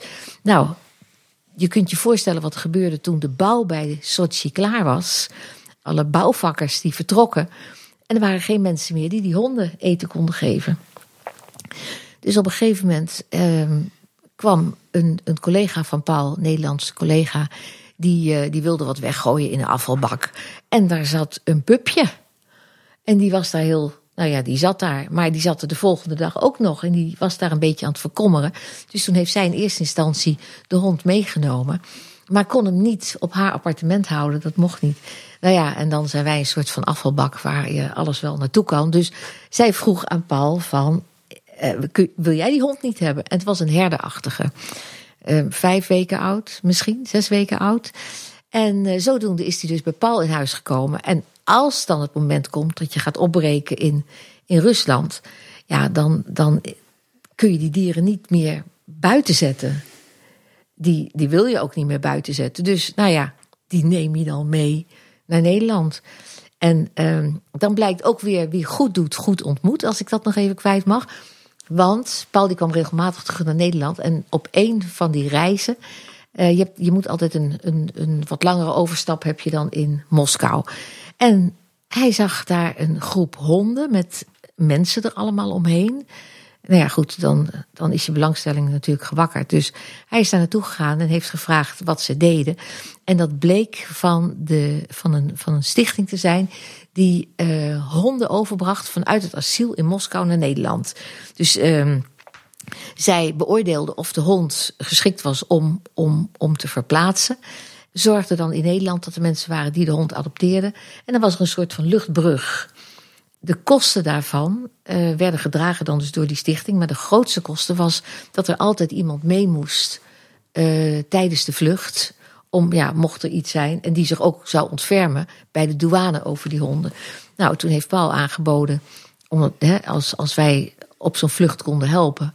Uh, om dan dus als begeleider van de honden mee te gaan. En zij hebben ons weer geholpen om onze hond en de kat mee naar Nederland te nemen. Dus wij hebben een Russische hond. Kijk, mooi. Zeg, en uh, luisteraars van ons die denken, ik wil ook een keer een nachtje overnachten bij Beck's Bed and Breakfast. waar kunnen die terecht? Ja, op, op de website. We hebben een eigen website. En via booking.com zijn wij eh, ook te vinden. Daar kun je ook zien of het beschikbaar is. En dan uh, eventueel bij ons, uh, bij ons boeken. Dus, en dan is er een gesprekje bij het ontbijt uh, is gewoon inbegrepen. En zeer gastvrije ontvangst kunnen wij wel, wel zeggen. Een mooie bed and breakfast, want we ook weer mogen aanschouwen. Zeker, zeker. Prachtige, prachtige plek in Kaatsheuvel en ook vlakbij eh, de, vlakbij de Efteling. Uh, we willen toch nog even terugkijken, uh, samenvattend, naar uw tijd bij de Efteling. En ik vind het eigenlijk wel leuk om dat met jullie allebei om en om te doen. Want ik denk dat jullie allebei heel veel herinneringen zullen hebben en heel veel verhalen. Um, en laten we dan eens beginnen met Paul, wat, wat zijn jouw zo is wat, wat mooie herinneringen uit jouw tijd bij de Efteling die je nog altijd uh, bijstaan? Mm -hmm.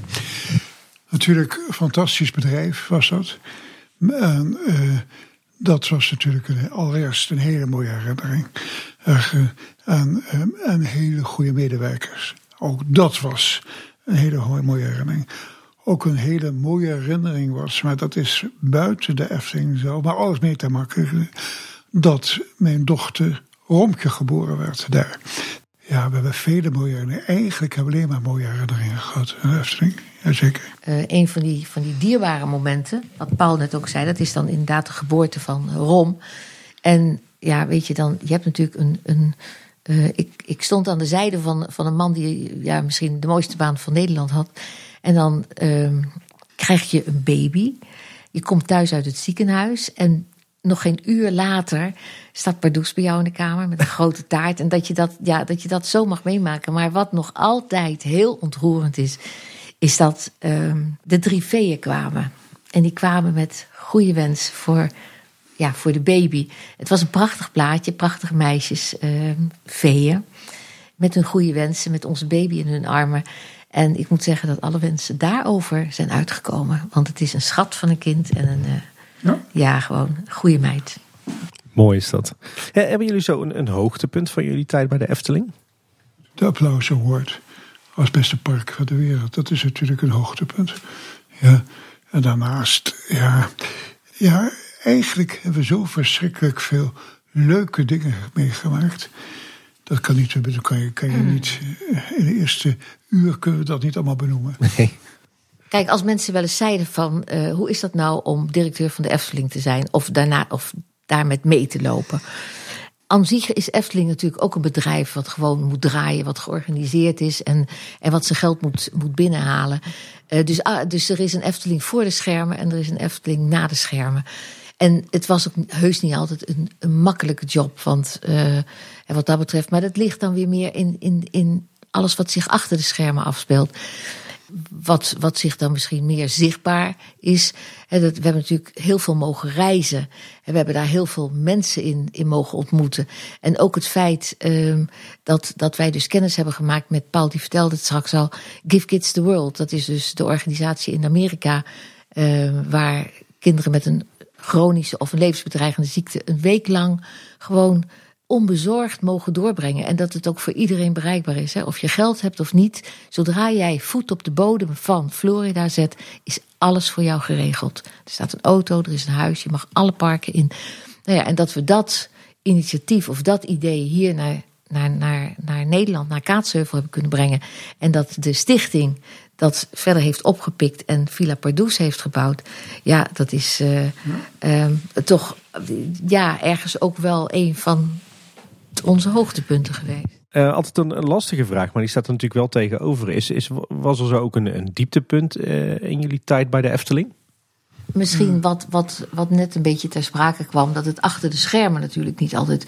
Hè, als je zo'n bedrijf, uh, ook zo'n groeiend bedrijf leidt, dat het niet altijd makkelijk was. En, en hè, Paul die zat er goed een jaar. En als dan al een, de president-commissaris de raad verlaat, ja, dat gaat ook niet zomaar. En zo zijn er natuurlijk wel eens meer dingetjes geweest, maar nooit onoplosbaar. En, en, en, en weet je, Paul is ook iemand, ook al kun je zakelijk wel iets niet met elkaar hebben, dat betekent niet dat je dat privé ook doorzet. Dus er was altijd een, altijd een oplossing. Er was altijd weer een uh, ja. gelijkmaking, zeg maar. Het evenwicht werd altijd gevonden. ja. ja. Een beetje daar, daaraan gerelateerd. Welke belangrijke levenslessen heeft u eigenlijk geleerd in uw tijd bij de Efteling? Ja, onze lessen. Ja, ik moet wel zeggen dat, dat je open moet staan voor andere ideeën en, uh, en andere parken en, en andere en attractieparken. Want dat is maar dingen waar wij niks van wisten. We wisten niks van draaimolens en achtbanen en daar hadden we geen idee van. Ja, goed, aan de andere kant, veel dingen wat ik gedaan heb, klinkt misschien een beetje onaardig, maar dat heb je al eerder gedaan. Je weet hoe de leven in elkaar zit. Hij, hij kwam daar met, uh, met 39 jaar. Je weet niet alles, dus je groeit. En dat neem je mee. Maar ik denk dat hij in zichzelf zo'n stevige basis had van dingen kunnen doorzien. En, en zijn gevoel voor, voor hospitality. De manier waarop hij met, altijd al met, met mensen was omgaan. Paul was een mensenmens. En dat, uh, dat merkte je ook, ook op het werk. En uh, nogmaals, hij, kon, hij was ook niet altijd aardig. Hij kon je bijna bij de stropdas pakken en zeggen waar het op stond. Maar aan de andere kant kreeg je ook een fikse klap op je schouder. Uh, als het allemaal goed ging en als het. Uh, dus ik denk vooral transparantie en, en blijven wie je bent. Als je met Paul zaken deed, what you see is what you get. En ik denk dat dat heel belangrijk is geweest in, in al zijn functies. Iets wat we ook altijd vragen, en ik ben er bij jullie zeker wel benieuwd naar, is: zijn er zo nog wat, wat leuke, grappige anekdotes uit jullie tijd bij de Efteling? Natuurlijk zijn die de arbeidsinspectie. We hadden een avond uh, van de openstelling van de Efteling. En er kwamen twee heren bij de opening.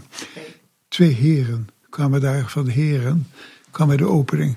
De poort belde op uh, dat ze de directeur wilden spreken. En toen kwam ik eraan. Toen ben ik naartoe gegaan met uh, mijn uh, scooter, met zijn wagentje. En ik heb die mensen gezegd, je mag meerijden. Dan rijden we naar het kantoor. Dus onderweg zei hij, en ik had gewoon dit soort kleren aan. Niet. En toen zegt ja goed, hoe werkt u dan? Ik zeg, nou, ik word een aantal jaren. Ja. En uh, toen zegt ja, hoe moet u hard werken? Ik zeg, ja, nou, uh, vandaag was het toch wel waarschijnlijk 10, 12 uur. 12 uur, 12 uur. Nou ja, goed, dat soort dingen weer. En uh, ik ging zelf naar mijn kantoor toe. Maar ze wisten nog steeds niet dat ik geen directeur werd. En toen ben ik eruit. Toen kwam ik terug. Ik zeg, wilt u een kop koffie? Ja, ik word de directeur. Ja, dat ben ik. Ik ben de directeur. ja, dat, uh, dat, was, uh, ja, dat was merkwaardig. Ja. ja. Weet je, en, en ook dat, en dat is ook weer uh, een, een, feit dat Paul ons overal in meesleepte. Want vroeger met Koninginnedag, dat was 30 april, deelden we sinaasappels uit. En dan de kinderen ook, dat was nog in de tijd van de oude entree. Daarna is het wat verwaterd, eerlijk gezegd. Maar ja, en we hadden destijds een, een pony. En um, Paul die beschouwde zijn pony als, af en toe als een hond. Het was ook niet zo'n grote pony. En um, die dacht, ach, toen het hotel gebouwd was... Uh, die pony die uh, moet ook eigenlijk wel mee kunnen in de lift. Dus hij is met pony en al is hij is die de lift in geweest. En daarboven, uh, ik geloof op de Vater Morgana kamer, is hij toen gestapt met een pony aan zijn hand. Want er was, goed, er was al natuurlijk een aanleiding in het gesprek met de gasten zijn geweest. Maar dus dat soort dingen deed hij. En ik begreep dat jullie ook wel eens uh, s'avonds nog met het gezin in de Efteling kwamen. Ook s'avonds, altijd als er een partij was, een evenementen was, ging ik altijd kijken hoe het gegaan is. En, en wij gingen ook, en daar heb je gelijk in, met honden gingen wij en de ponies gingen we de Efteling in. En dan zwemmen ze, die zwommen ze in de vijver met de, met de, met de ponies. en onze kinderen, die reden dan in die wagentjes ja, verschrikkelijk. Die golfkarretjes. En we, hadden, en we hadden op een gegeven moment mijn ouders die. Um, onze zoon heette Ernst, Ernst Jan. En er bestaat een boek, Ernst Jan en Snabbeltje. En dat is een jongetje met zijn eend. Oh, dus mijn ouders die hadden bedacht om uh, Ernst Jan een eend te geven. Nou, die heeft hier. Alleen met de eend moet je ook een vijver hebben. En we hadden hier dus een, een kleine vijver hadden we voor die eend gemaakt. Maar op een gegeven moment eend wordt groter. En uh, die moest gewoon bij andere eenden zijn. Dus toen hadden we de, de eend uh, in de vijver uitgezet. Nou, wij waren nog niet thuis of we kregen al een telefoontje van de beveiliging. Er loopt een eend over de parkeerplaats richting familie Beck. Dus die hebben we een aantal malen terug moeten zetten. Ja, André Rieu, die heeft eerst bij ons uh, bezoeken optreden hier gehad. Bij ons. Dat weet je? Nee. Dat weet je niet. Nee? En niet in die tijd inderdaad, wel Nee. later. Ja, ja. Het was een feest van ehm, de Rotary. En die heeft toen op het grote eh, grasveld... had hij het concert van André Rieu. Disney kwam eh, eh, naar Europa en dat was 1 april 1992. Eh, ik ben daar zelf eh, eh, ook bij geweest. Eh, dat we het glas hebben geheven in het kantoor van Paul. Een eh, glas champagne op eh, ja, wat de toekomst brengen mogen. Inmiddels waren we er al wel heel veel geweest. want ze hadden natuurlijk de pre-opening. En daar waren wij met, met ons gezin ook voor uitgenodigd. Maar ook daarna vond Paul het eigenlijk een beetje tot zijn plicht behoren om eh, de, de grote sponsors van de Efteling en ook andere eh, zakelijke relaties mee te nemen op een bezoekje naar Disney. Zodat ze ook zouden weten van, nou ja, dat houdt dat in. En eh, het was zelfs, we kwamen daar zelfs zo regelmatig dat eerste jaar dat onze kinderen op een gegeven moment zeiden van, mam en pap, we gaan toch niet weer naar Disney toe. Zei geen enkel ander kind ooit in Nederland, denk ik. Nee, dat het is ook vreselijk als je dit, als je dit eh, eh, zonder, zonder, het, eh, zonder de invalshoek zou horen.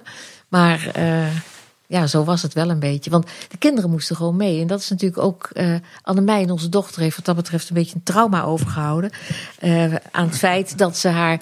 ehm, ze was afgezwommen. En dan gaan de kinderen door voor het A-zwemdiploma.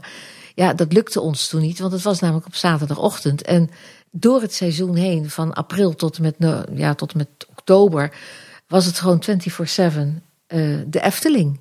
En dan had je dus eh, gasten die kwamen met hun gezin. En ja, onze kinderen waren dus noodgedwongen om mee te gaan. Eigenlijk zeven dagen was ik bezig. hè. Ook zaterdag en zondag bij de hotel was ik ook elke dag te kijken hoe ver het. Eh, het is eh, ja, eigenlijk zeven dagen in de week. Je kan je tegenwoordig bijna niet meer voorstellen. Ja, ik kon me ook niet voorstellen ook dat mensen s morgens vroeg om eh, negen uur aankomen, om vijf uur weggaan. Ik kon me dat niet voorstellen. Wij werkten s ochtends vroeg tot s avonds laat. Dat is, ja, dat was normaal. Dat, is, dat was je gewend. Maar ja, dat is, ja, god, zo doet iedereen dat doet het op zijn eigen wijze. Dat is, eh, maar ja, ik werkte ook toen de tijd. Laatste jaren werkten we met een directie met drie mensen, want het werd te groot. Maar ik was altijd alleen directeur. Ja, Ja, ehm, het mobiele transport binnen, binnen het park, dat was natuurlijk ook een dingetje. Want eh, vroeger werd iedereen ging gewoon op de fiets. Dus eh, eh, iedereen croste een beetje door het park heen. En Paul die had het natuurlijk ook graag gedaan, maar die had heel vaak last van jicht. Waardoor hij echt niet kon lopen. Ik denk dat de oud-gedienden, die weten zich dat misschien nog wel te herinneren. Ja, en Paul is een man die zoekt naar oplossingen. En wat was de oplossing? Dat was zo'n golfkarretje. Iets wat nu heel gewoon is. Maar toen, ja, de directeur, meneer Beck, die had dan een golfkarretje. Zodat hij zich toch nog kon verplaatsen in het park. Ehm, het bleef natuurlijk niet bij één, één golfkarretje. Er kwamen er wat meer. En ehm, ja, wat ik dan ook nu wel mag bekennen, want het feit is inmiddels verjaard, denk ik. Ehm, dat onze kinderen ook wel eens in zo'n golfkarretje stapten. ja, wat, wat is er leuker dan daar dan in rond te rijden? Ehm, onze, onze dochter mocht dat, want die kon het stuur recht houden en de bochten nemen. Onze zoon Ernst-Jan, die vloog alleen maar recht vooruit. Dus die hebben we wel eens uit de bosjes moeten plukken. En, dat was dan na, eh, na openingstijd, denk en dat ik. was godzijdank na openingstijd. Hoewel Annemijn, die heeft, dat was ook na openingstijd. Dus er waren, waren er geen, geen bezoekers meer in het park. Maar wel ehm, dat er s'avonds wel eens iemand nog kwam. En Annemijn hebben we wel eens weggestuurd met haar acht of negen jaar. Om iemand bij de poort op te halen. En dat, en dat lukte. Dat ging dan, eh, dan, dan goed. Het zullen ongetwijfeld mensen zijn geweest die wel wel een beetje kenden. Maar eh, ja, dat, dat ging dan eh, zonder risico. Ik, ik haal hier wel uit dat de Efteling voor jullie ook een klein beetje voelde als jullie eigen achtertuin. Ja, soms, soms wel een beetje. Soms wel een beetje. Maar dat kwam natuurlijk ook omdat je was, je was zo verweven. Hè, ook met dat bedrijf. Want ook, weet je, als Paul wist dat er s'avonds nog acti- activiteiten in het park waren. Of dat mensen nog laat aan het werk waren. Dan ehm, ging die ook even, even kijken. En ja, daar hebben natuurlijk de mensen in het begin ook heel erg, daar hebben we het al over gehad, hè, dat ze daar zo aan moesten wennen. Dat Paul eh, in het park aanwezig was. Want dat waren de voorgaande directeuren, ja, die deden dat niet. En Paul had zoiets, ik moet weten wat er op de vloer gebeurt.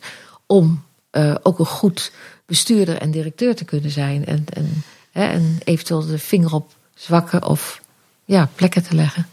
Dus uh, uh, nee, die Efteling heeft in ons gezin heel veel betekend. En Rom is hier geboren. Dat is eigenlijk de enige die. Ja, die heeft natuurlijk, die is geboren in 94. Dus die heeft daar weinig van meegekregen. En kan af en toe zelfs wel eens een keertje verbaasd zijn als ze dan ineens dingen hoort. Hè, wat de anderen wel hebben meegemaakt. Van ja, een soort verbazing. Ik denk dezelfde verbazing die kinderen hebben. Andere kinderen ten aanzien van Efteling en wat daar gebeurt. En, en helemaal in het begin, of jullie vroegen naar hoe zag je eerste dag in de Efteling eruit? En dan niet even de eerste werkdag, maar de eerste dag dat het park open was. Dat is een hele mooie herinnering. Want toen hebben wij uh, alle, de familie van, van ons, zijn familie, mijn familie, hebben we uitgenodigd. Dus ouders en broers en zussen met de kinderen.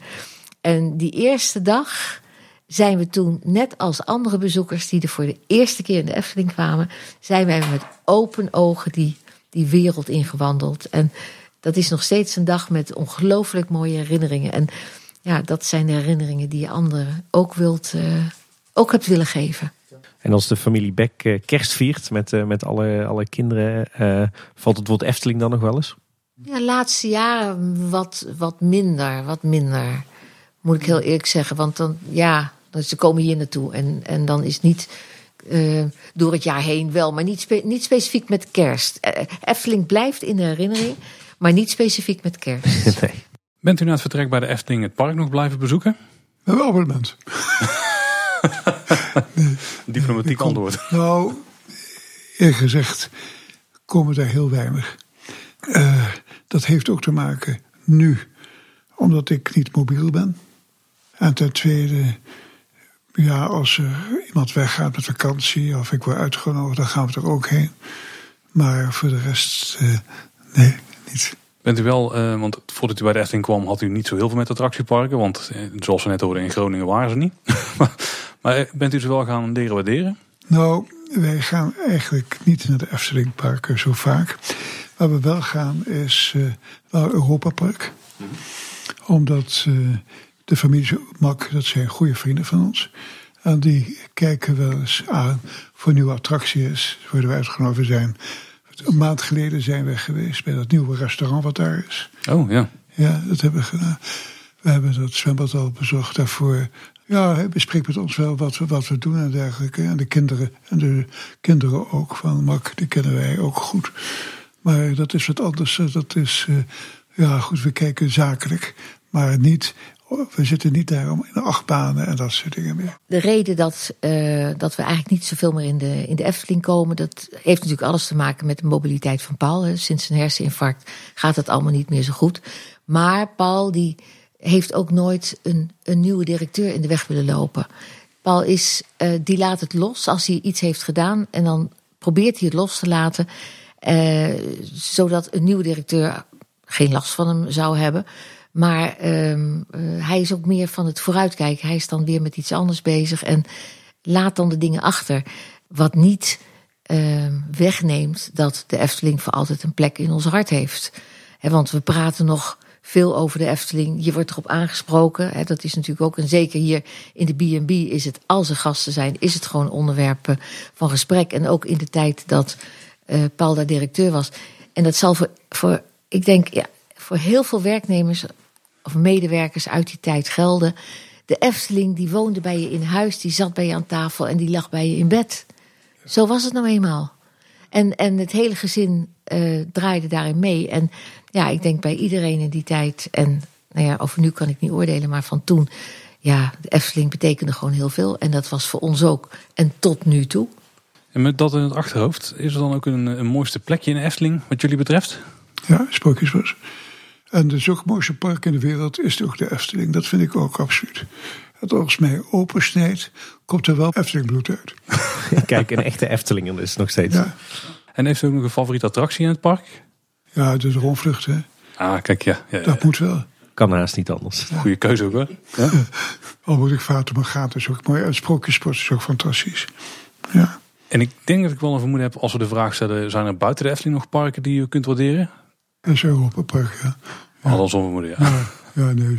Eh, het, het mooie, of het mooie, het, het trieste was eigenlijk dat eh, wij, wij zijn door al die jaren heen. Kijk, Paul die heeft natuurlijk eh, na de Efteling, hij is bij Holiday on Ice geweest, hij is bij Autostad in, eh, in Duitsland, bij Wolfsburg, Audi VW is hij geweest. Eh Omniworld had hij natuurlijk wat minder met de business te maken. Maar daarna met de Floriade, we zijn altijd wel betrokken gebleven bij de IAPA. Ehm, de laatste jaren dus wat minder. En dat was de reden dat we drie jaar geleden dus eh, dat hij zei: Goh, ik zou het toch wel leuk vinden om nog een keer terug te gaan naar Orlando, waar dan de grote beurs is. En ehm, te kijken wie zijn er allemaal nog, hoe is het in de business, wat, eh, welke parken kunnen we eh, nog bezoeken. En eh, we hebben op zondag toen nog het, Space, het Kennedy Space Center bezocht. Daar waren we nog nooit geweest, want daar hadden we onszelf nooit de tijd voor gegeven.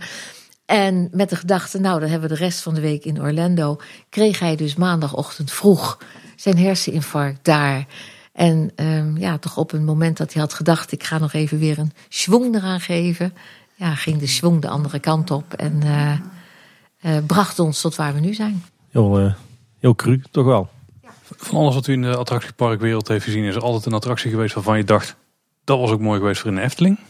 Ja, ik kan zeggen, allemaal grootste achtbanen. Dat is natuurlijk, kijk, ik denk dat een achtbanen, maar dat is later ook gebeurd, het meest bezoekers telt. De meeste mensen komen als je enige wat meer bezoekers telt, zijn meer achtbanen. Wat ik wel gezien heb, nu gezien heb, dat in de, in de Europark, dat laatste attractie met, hoe heet die, die Voletarium. Juist. Dat, dat is wel, ik denk dat dat past ook in de Efteling. Denk ik, zo is eigenlijk dat zeker. Ja. Ik denk dat het toch een zwemparijs, zoiets dergelijks, goed zou kunnen voor de Efteling. Zoiets dergelijks. Het is wel weer een grote investering, moet je een grote investering. Maar zoiets zou kunnen, denk ik. Ja. Zie ik wel zitten. Als, het- als, als een apart actiepunt. Niet, niet, geen Floriade, zeker niet. Maar dat denk ik dat dat mogelijk zou zijn. Ja, dan krijg je toch een miljoen bezoekers per jaar meer. En dan investeren daar zou ik mijn geld investeren. Ja. Ja, dan rest ons eh, eigenlijk niets anders dan eh, jullie beiden, Paul en Algerta, ontzettend te bedanken eh, voor dit interview. We weten ook hoeveel, hoeveel energie het gekost heeft.